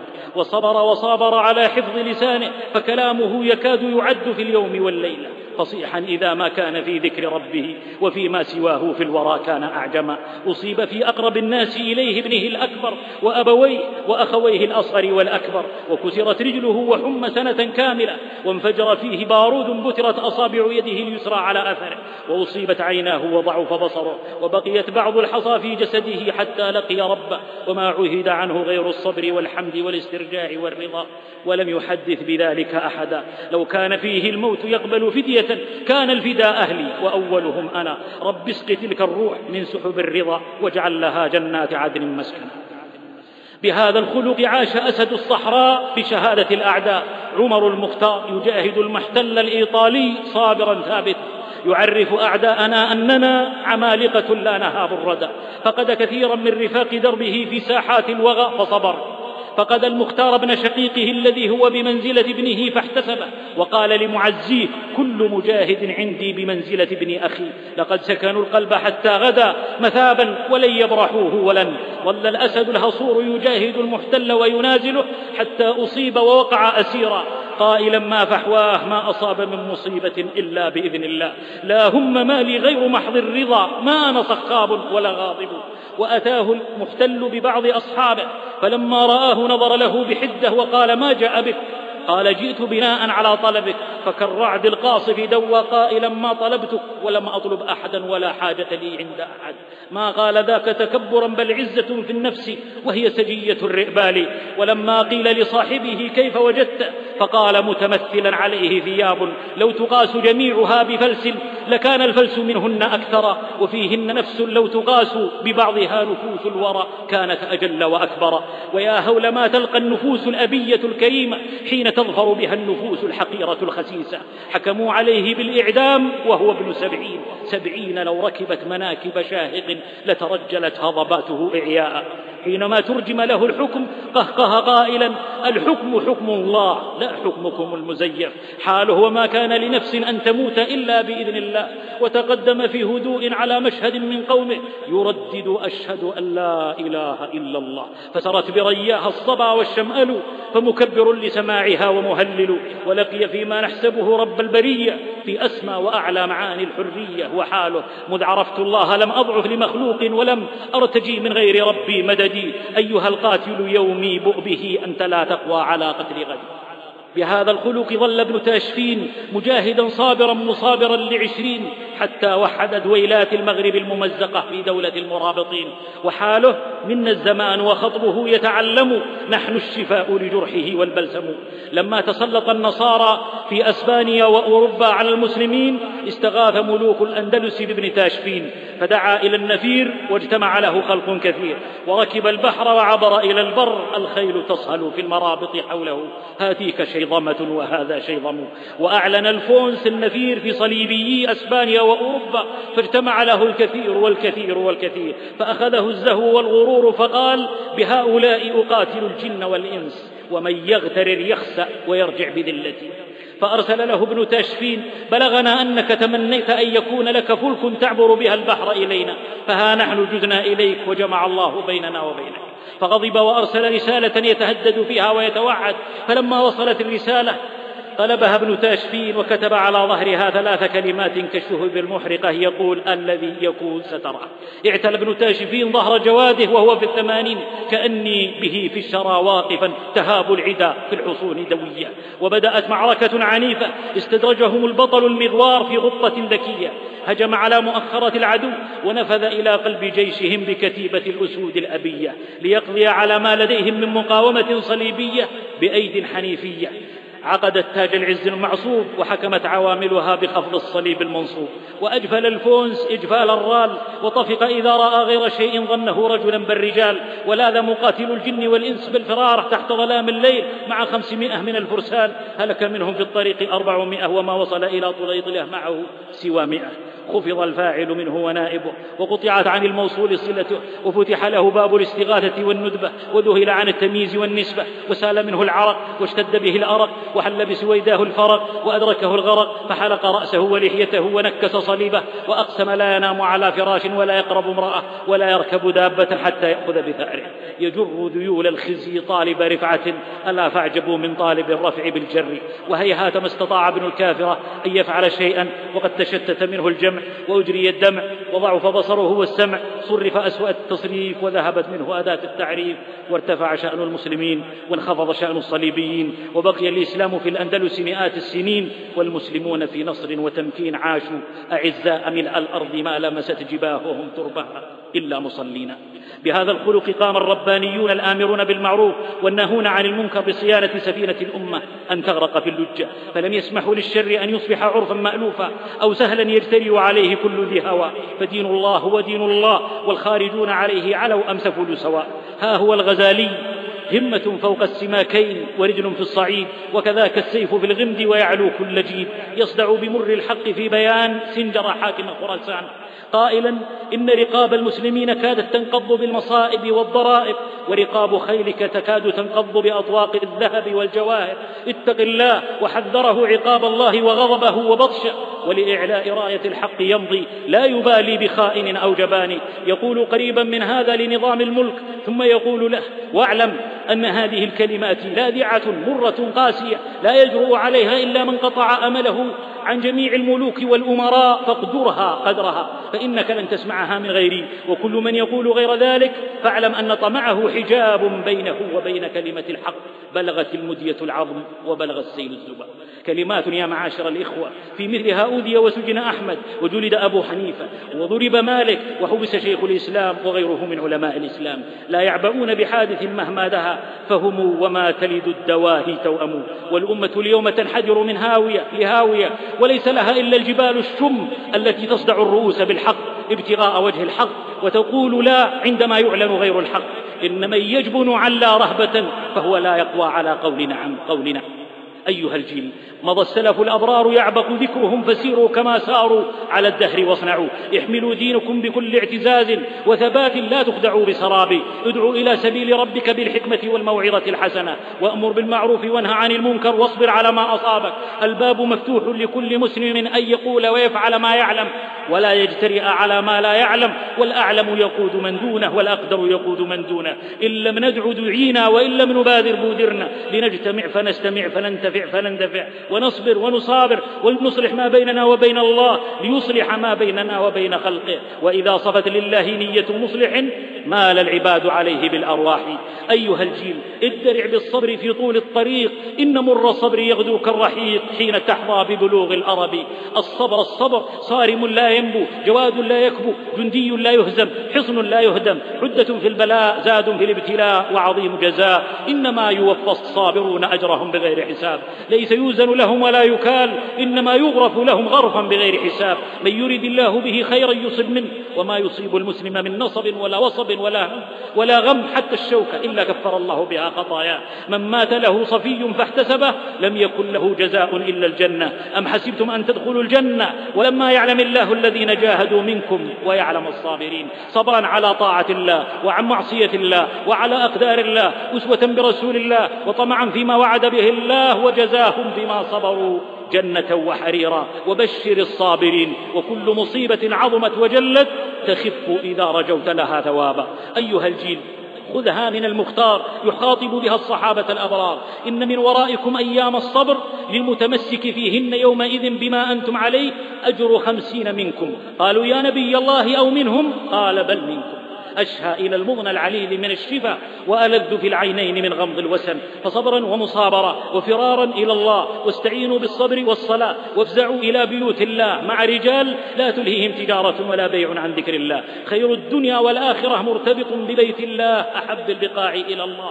أرواحنا تتلاقى فيه خافقة كالنحل إذ يتلاقى في خلاياه. تلك البقاع فلا تبغي بها بدلا. فما سواها وبي منتن وخم. أيها الجيل من أحلك الساعات ينبلج السنة ولرب خير جاء من قلب الأذى. لئن عاث العدو وأفسد وحصد الأخضر واليابس وأهلك الحرث والنسل فالورد يبقى وسط الشوك. والمعدن يلمع بلمس النار والمخاض قبل الولادة. أم حسبتم أن تدخلوا الجنة؟ ولما يأتكم مثل الذين خلوا من قبلكم. فلا تهنوا ولا تحزنوا وأنتم الأعلون إن كنتم مؤمنين. والتاريخ مع ذا واعظ أمين. دخل الصليبيون بيت المقدس فارتكبوا ما لا ترتكب أكثر منه الشياطين. قتلوا الأئمة والعلماء والمجاورين وعطلوا الجمعة والجماعة لواحد وتسعين. وظن اليائسون أن لا عودة له إلى حظيرة المسلمين. ويولد محرر القدس بعد احتلاله بتسع وثلاثين. ولما بلغ الأربعين من عمره دخل المسلمون بقيادته بيت المقدس فاتحين. وجاء الحق وبطلت الأباطيل. وأذن المؤذنون وخرس القسيسون. فقطع دابر القوم الذين ظلموا والحمد لله رب العالمين. وما هي من اليهود الظالمين؟ اليوم ببعيد. الأيام دول ويوم علينا ويوم لنا والعبرة بالنهاية والنهاية لنا. وإن استأسد ثعلب أو استنسر بغاث فالفجر من رحم الظلام سيولد. ويصحو من نام وينهض من كبى ويتحقق وعد الله ويومئذ يفرح المؤمنون بنصر الله. فبناؤنا باق وإن طافت به ريح وأجلب حوله التنين. لو دام ظلم في الحياة لظالم لأقام فوق صروحه فرعون. لكنها حقب قصار تم المسمح ويطل فجر باسم ويبين فجذورنا أحد وبدر وخيبر والفتح يعلو شامخا وحنين وبشائر الإسراء فوق رؤوسنا تمضي بنا والوعد والتمكين. نحن الذين رؤوسهم لا تنحني إلا لخالقها ولا تستسلم. لا تقولوا حارس الثغر رقد لا تقولوا عقمت أمتنا واستنسرت فيها بغاة الطير والعزم خمد. أنا لا أنكر أن البغي في الدنيا ظهر والضمير الحي في دوامة العصر سهر غير أني لم أزل أحلف بالله الأحد أن نصر الله آت وعدو الله لن يلقى من الله السند لن ينال المعتدي. ما يبتغي في القدس. ما دام لنا فيها ولد. لا ينقصنا عدد. لو بصق كل مسلم بصقة لأغرقنا يهود العالم. ينقصنا الإيمان أن نكون مع الله ليكون معنا. فأرسل شعلة الإيمان شمسا وصغ من ذرة جبلا حصينا. وكن في قمة الطوفان موجا. ومزنا تمطر الغيث الهتونا. فأنت العطر في روض المعالي. وأنت نسيمه فاحمل شذاه ولا تحمل غبار اليائسين أيها الجيل ما جرد الصمصام ذو همة عند اعوجاج الأمر إلا استقام. هذه وصية ملك يؤثر السلم على الحرب لولده. يقول فيها يا بني من رغب في السلم استعد للحرب. نعم إن أفضل ضمان لردع المعتدي إيحاءات القوة وقد أيد الإسلام ذلك بقوله وأعدوا لهم ما استطعتم من قوة وإن طالت المدة في إعداد العدة لنقطع الطريق على متهور ناقص في علم أو قاصر في تجربة ونرهب عدو الأمة. ما شمر الليل عن ساقيه منهزما حتى رأى الصبح مثل السيف مخترطا والأسد إن أخلت عرين الحمى أضحى بها الثعلب يستأسد. إن ضيما يعلو ولا يشمئز له ضمير ولا تثور له نخوة حري أن يطأ بمسيسه الأنوف. وليس بعد ذلك من بأس أن يقال كما قالت أم عبد الله لابنها لما سقطت قرطوبة فبكى. ابكي مثل النساء ملكا مضاعا. لم تحافظ عليه مثل الرجال. أيها الجيل كم ميت بعث الدنيا وعاش بها؟ ما كل من ضمه قبر بمدحود. وخامر ما لآثار الحياة به سوى ورود اسمه بين المواليد. كل صورة من صور خدمة الدين داخلة أصالة أو تبعا في معنى الجهاد في سبيل الله. فعلى كل ذي ولاية أو صاحب قلم أو لسان أو مال أن يسخر طاقته في مناصرة دينه وقضايا أمته. تبا لمن يرى أخاه محاصرا يكاد يهلك وهو يستطيع رفده فلا يمد له يدا. إذا شبت النار في الدار فالغفلة عنها عار. متى تستيقظون فقد رماكم بأقصى ما لديه الثعلبان أعاديكم بذلكم استطالوا على إخوانكم وبه استعانوا. فلا عجب إذا احترقت بيوت وسال على الرصيف الأرجوان. إن على كل مسلم تبعة ومسؤولية أن يبذل ما في وسعه. بماله بلسانه بقلبه يشحذ همة يحرك عزيمة يستنصر مولاه وإلا يكن فليتعفف عما لا ضرورة له. لا يعين المسلم الصادق أعداه عليه. قاطعوا من باعكم واختار من يقتلكم وتولاه وتابع قاطعوا كل العبارات التي علبها إعلامهم والتهمناها كما نلتهم الوجبات. غشونا وسموها سريعة. قاطعوهم كل طفل قتلوه أو جريح جرحوه. هو خصم لكم يوم اللقاء. أنتم آذرتم من جند الجند ومن قدم للخصم المدافع. قاطعوهم إنما الحر المقاطع. وسيبقى العبد عبد البطن والشهوة خانع. إن أعداءنا تحت أي شعار إنما يحاربون الإسلام نفسه. ولن يرضوا في حال الاستجابة لضغوطهم بغير الكفر. هذا قول الله. ولن ترضى عنك اليهود ولا النصارى حتى تتبع ملتهم. ومن أصدق من الله. فافقهيها أمتي والقول والفعل ارفعي ثم اصدعي. ألف كلا ثم كلا. صرخة المسلم من نجد إلى تطوان غربا فبخارى وسفوح الصين شرقا فالمكلا. ألف كلا. ثم كلا كل حل ليس في القرآن والسنة لا. أيها الجيل. شعورا بالجسد الواحد. من لم يهتم به فليس منه. نحن مهما جارت الأحداث جسم صامد لا تعرف الأرض قعودا لحمة شامخة ترتد عنها عاصفات الموج والريح الشديدة. إذا ألمت بتركستان نازلة باتت لها راسيات الشام تضطرب. وإن دعا في ثرى الإيبور ذو ألم أجابه في ذرى فاران منتحب. أمة واحدة مهما تناءت أرضها تجمعها روح العقيدة. أيها الجيل فر إلى الله بالطاعة مع أهل الطاعة في بيئة الطاعة. واصبر نفسك مع الذين يدعون ربهم بالغداة والعشي يريدون وجهه. اصبر مع القوم نفسا والتزم أدبا. لا تعد عيناك عنهم لا يصبك عمى. أيها الجيل وأيام الحداثة فاغتنمها. ألا إن الحداثة لا تدوم اصبر وصابر واعمل عملا تزدان به صحيفة كسبك. وإلا فوجودك عدم وعقباك ندم. إن لم تزد شيئا على الدنيا كنت عليها زائدا. فالمرء والسيف ما لم يبديا أثرا. حي كميت ومسلول كمغمود. أيها الجيل لا صاحبتني يد لم تغن ألف يد ولم ترد القنا حمر الخياشيم. إن الصبر على صعود الآكام وهبوط الغيطان في ابتغاء الرزق الحلال على مشقته خير وألد من القعود بين الحيطان وأكرم من سؤال بني الإنسان. كد كد العبد إن آثرت أن تصبح حرا. لا تقل ذا مكسب يزري سؤال الناس أزرع أيها الجيل الصبر ضياء وسلاح المؤمن الدعاء. إذا حل بك الأمر فكن بالله لواذا. وإلا فاتك الأجر فلا هذا ولا هذا. أيها الجيل احذر الأقفاص لا تستجملي قفصا يوما ولو من ذهب الصقر لا يهدأ في الأوكار ولا يحاكي الصعو والحبار. إن حكى الصعوة صقر كاسر فهو كالصعوة واه خائر. الحرية الحرية صبرا ومصابرة. أعد رونقها إن لم يكن وابلا. يا أيها الجيل فطل والحرية الحقة في تمام العبودية والحب والتعظيم لرب البرية.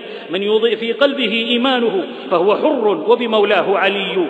يمسك الدنيا ولا تمسكه يملك الأرض ولا تملكه. وفي ظل الحيدة عن هذا المفهوم تذوب الطاقة وتمحي وتعم الفسولة وتسري وتنعدم الثقة وتسقط الهمة. فإذا ما جد الجد لم تجد سوى قن مفلول الحد لأنه ربي تربية العبد فلا يجد نفسه إلا في القيد والقيد في روحه قبل الرجل واليد. تطلقه للكر فيفر لأبواب الحظيرة متضرعا لحراسها أن يفتحوا له الباب. يصفع ويلقى خارج الأعتاب في يعود مزاحما على الأبواب قد ألف الهوان والتباب. كعوسجة جدرتها الرياح كسادسة فوق كف أشل. وتحت نعال الأعادي قبل. أدرك عنترة ذلك قديما. لما قيل له كر قال إن العبد لا يحسن الكر والفر ولكنه يحسن الحلب والصر.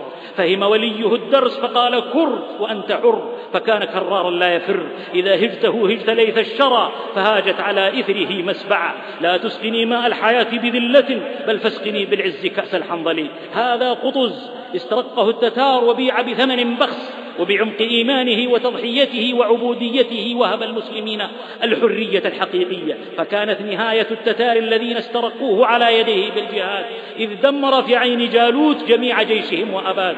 من يسمى الحر من بين الصقور لا يطيق الأسر من بين الطيور. وبالمقابل فإن المستعصم بالله آخر ملوك بني العباس وهو في الذؤابة من النسب كان عبد الفعل في الحقيقة.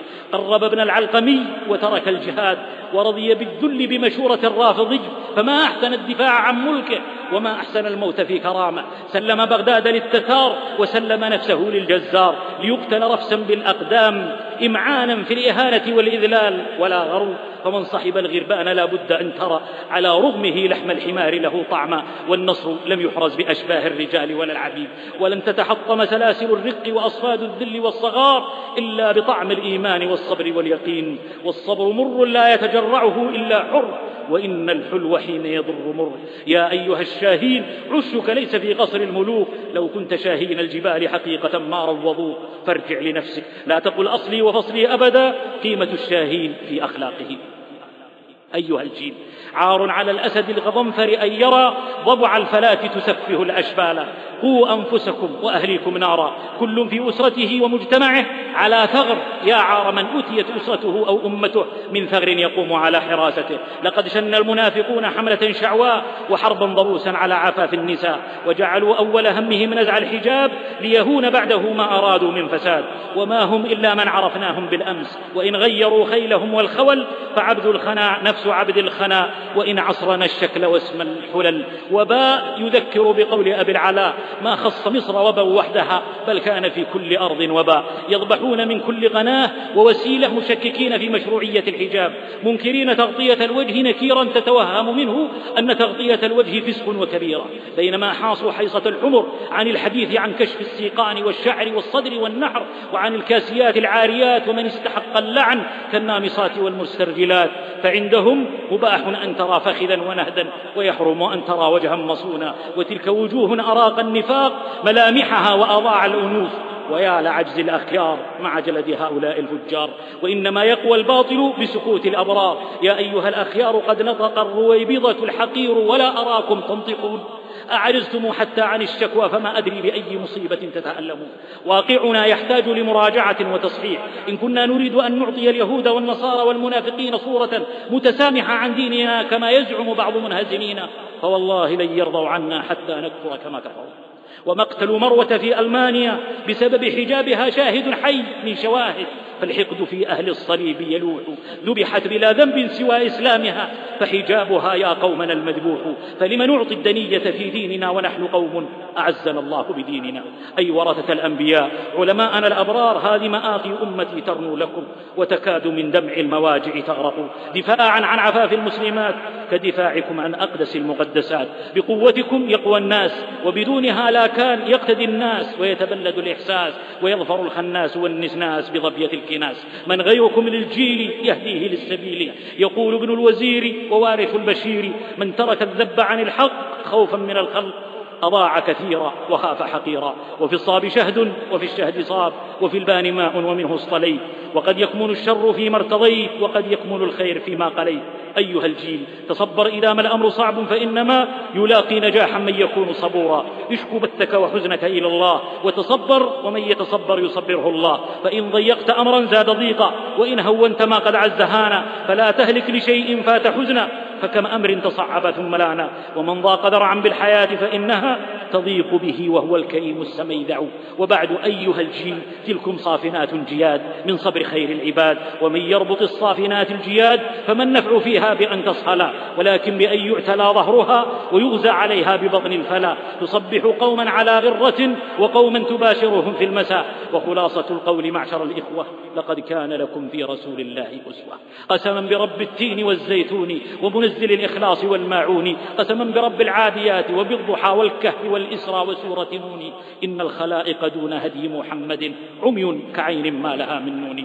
فخذي يا أمة الإيمان كنزا وامنحي منه عراقا وشآما وامنحي منه قريبا وبعيدا وانشري منه على الأرض السلاما. هذا ما وسعه الوقت الضيق وقد ذهب الشباب الضيق. وشاخ الباز الأشهب وعتاد العمر ينهب النشاط قد طوي منه البساط ولعلي أسرجت الجواد لراكبه ومهدت الطريق لمن يبني المنار به. هذا هو الجادي يا زينة النادي. أرج الكون برياطي به وروى عن طيبه نشر الخزامة. وسرى في الأفق منه نسمة فشممنا شيح نجد والبشامة. زانت شمسه الفلك وجلت أنواره الحلك. وفتح الأبواب وقال هيت لك فاغنم روضة وانصب الخيمة واضرب الأوتاد واعقد الأطناب وانشق الأرج وارفع الحرج وارتقب الفرج وتجاوز اللواء والمنعرج واعلو رباه وانعم بصباه واكرع في حياضه وارتع في رياضه واحدو في غياضه من أين يا ريح الصبا هذا الشذا إن كان من حي الحبيب فحبذا ووداعا فوداعا وإلى ملتقا إن لم يحل من حائل يا رب أسكننا فسيح جنتك والنار نجنا منها برحمتك واغفر لنا ما كان من ذنوبنا وزين الإيمان في قلوبنا والحمد لله على الإنعام بنعمة التوفيق والإتمام والأجر والإخلاص في الأعمال نسأله من صاحب الأفضال. فكل شيء فهو منه وإليه والخير لا نرجوه إلا من يديه. ثم الصلاة والسلام الأبدي على النبي الهاشمي محمد والآل والأصحاب أجمعين. يا رب والحقنا بهم آمين. يا رب والحقنا بهم آمين. وتقبلوا تحيات إخوانكم في مؤسسة الإمام البخاري الإسلامية بمكة المكرمة. هاتف رقم خمسة أربعة ثلاثة أربعة اثنان ستة سبعة. ناسوخ خمسة أربعة تسعة خمسة سبعة سبعة تسعة. والسلام عليكم ورحمة الله وبركاته.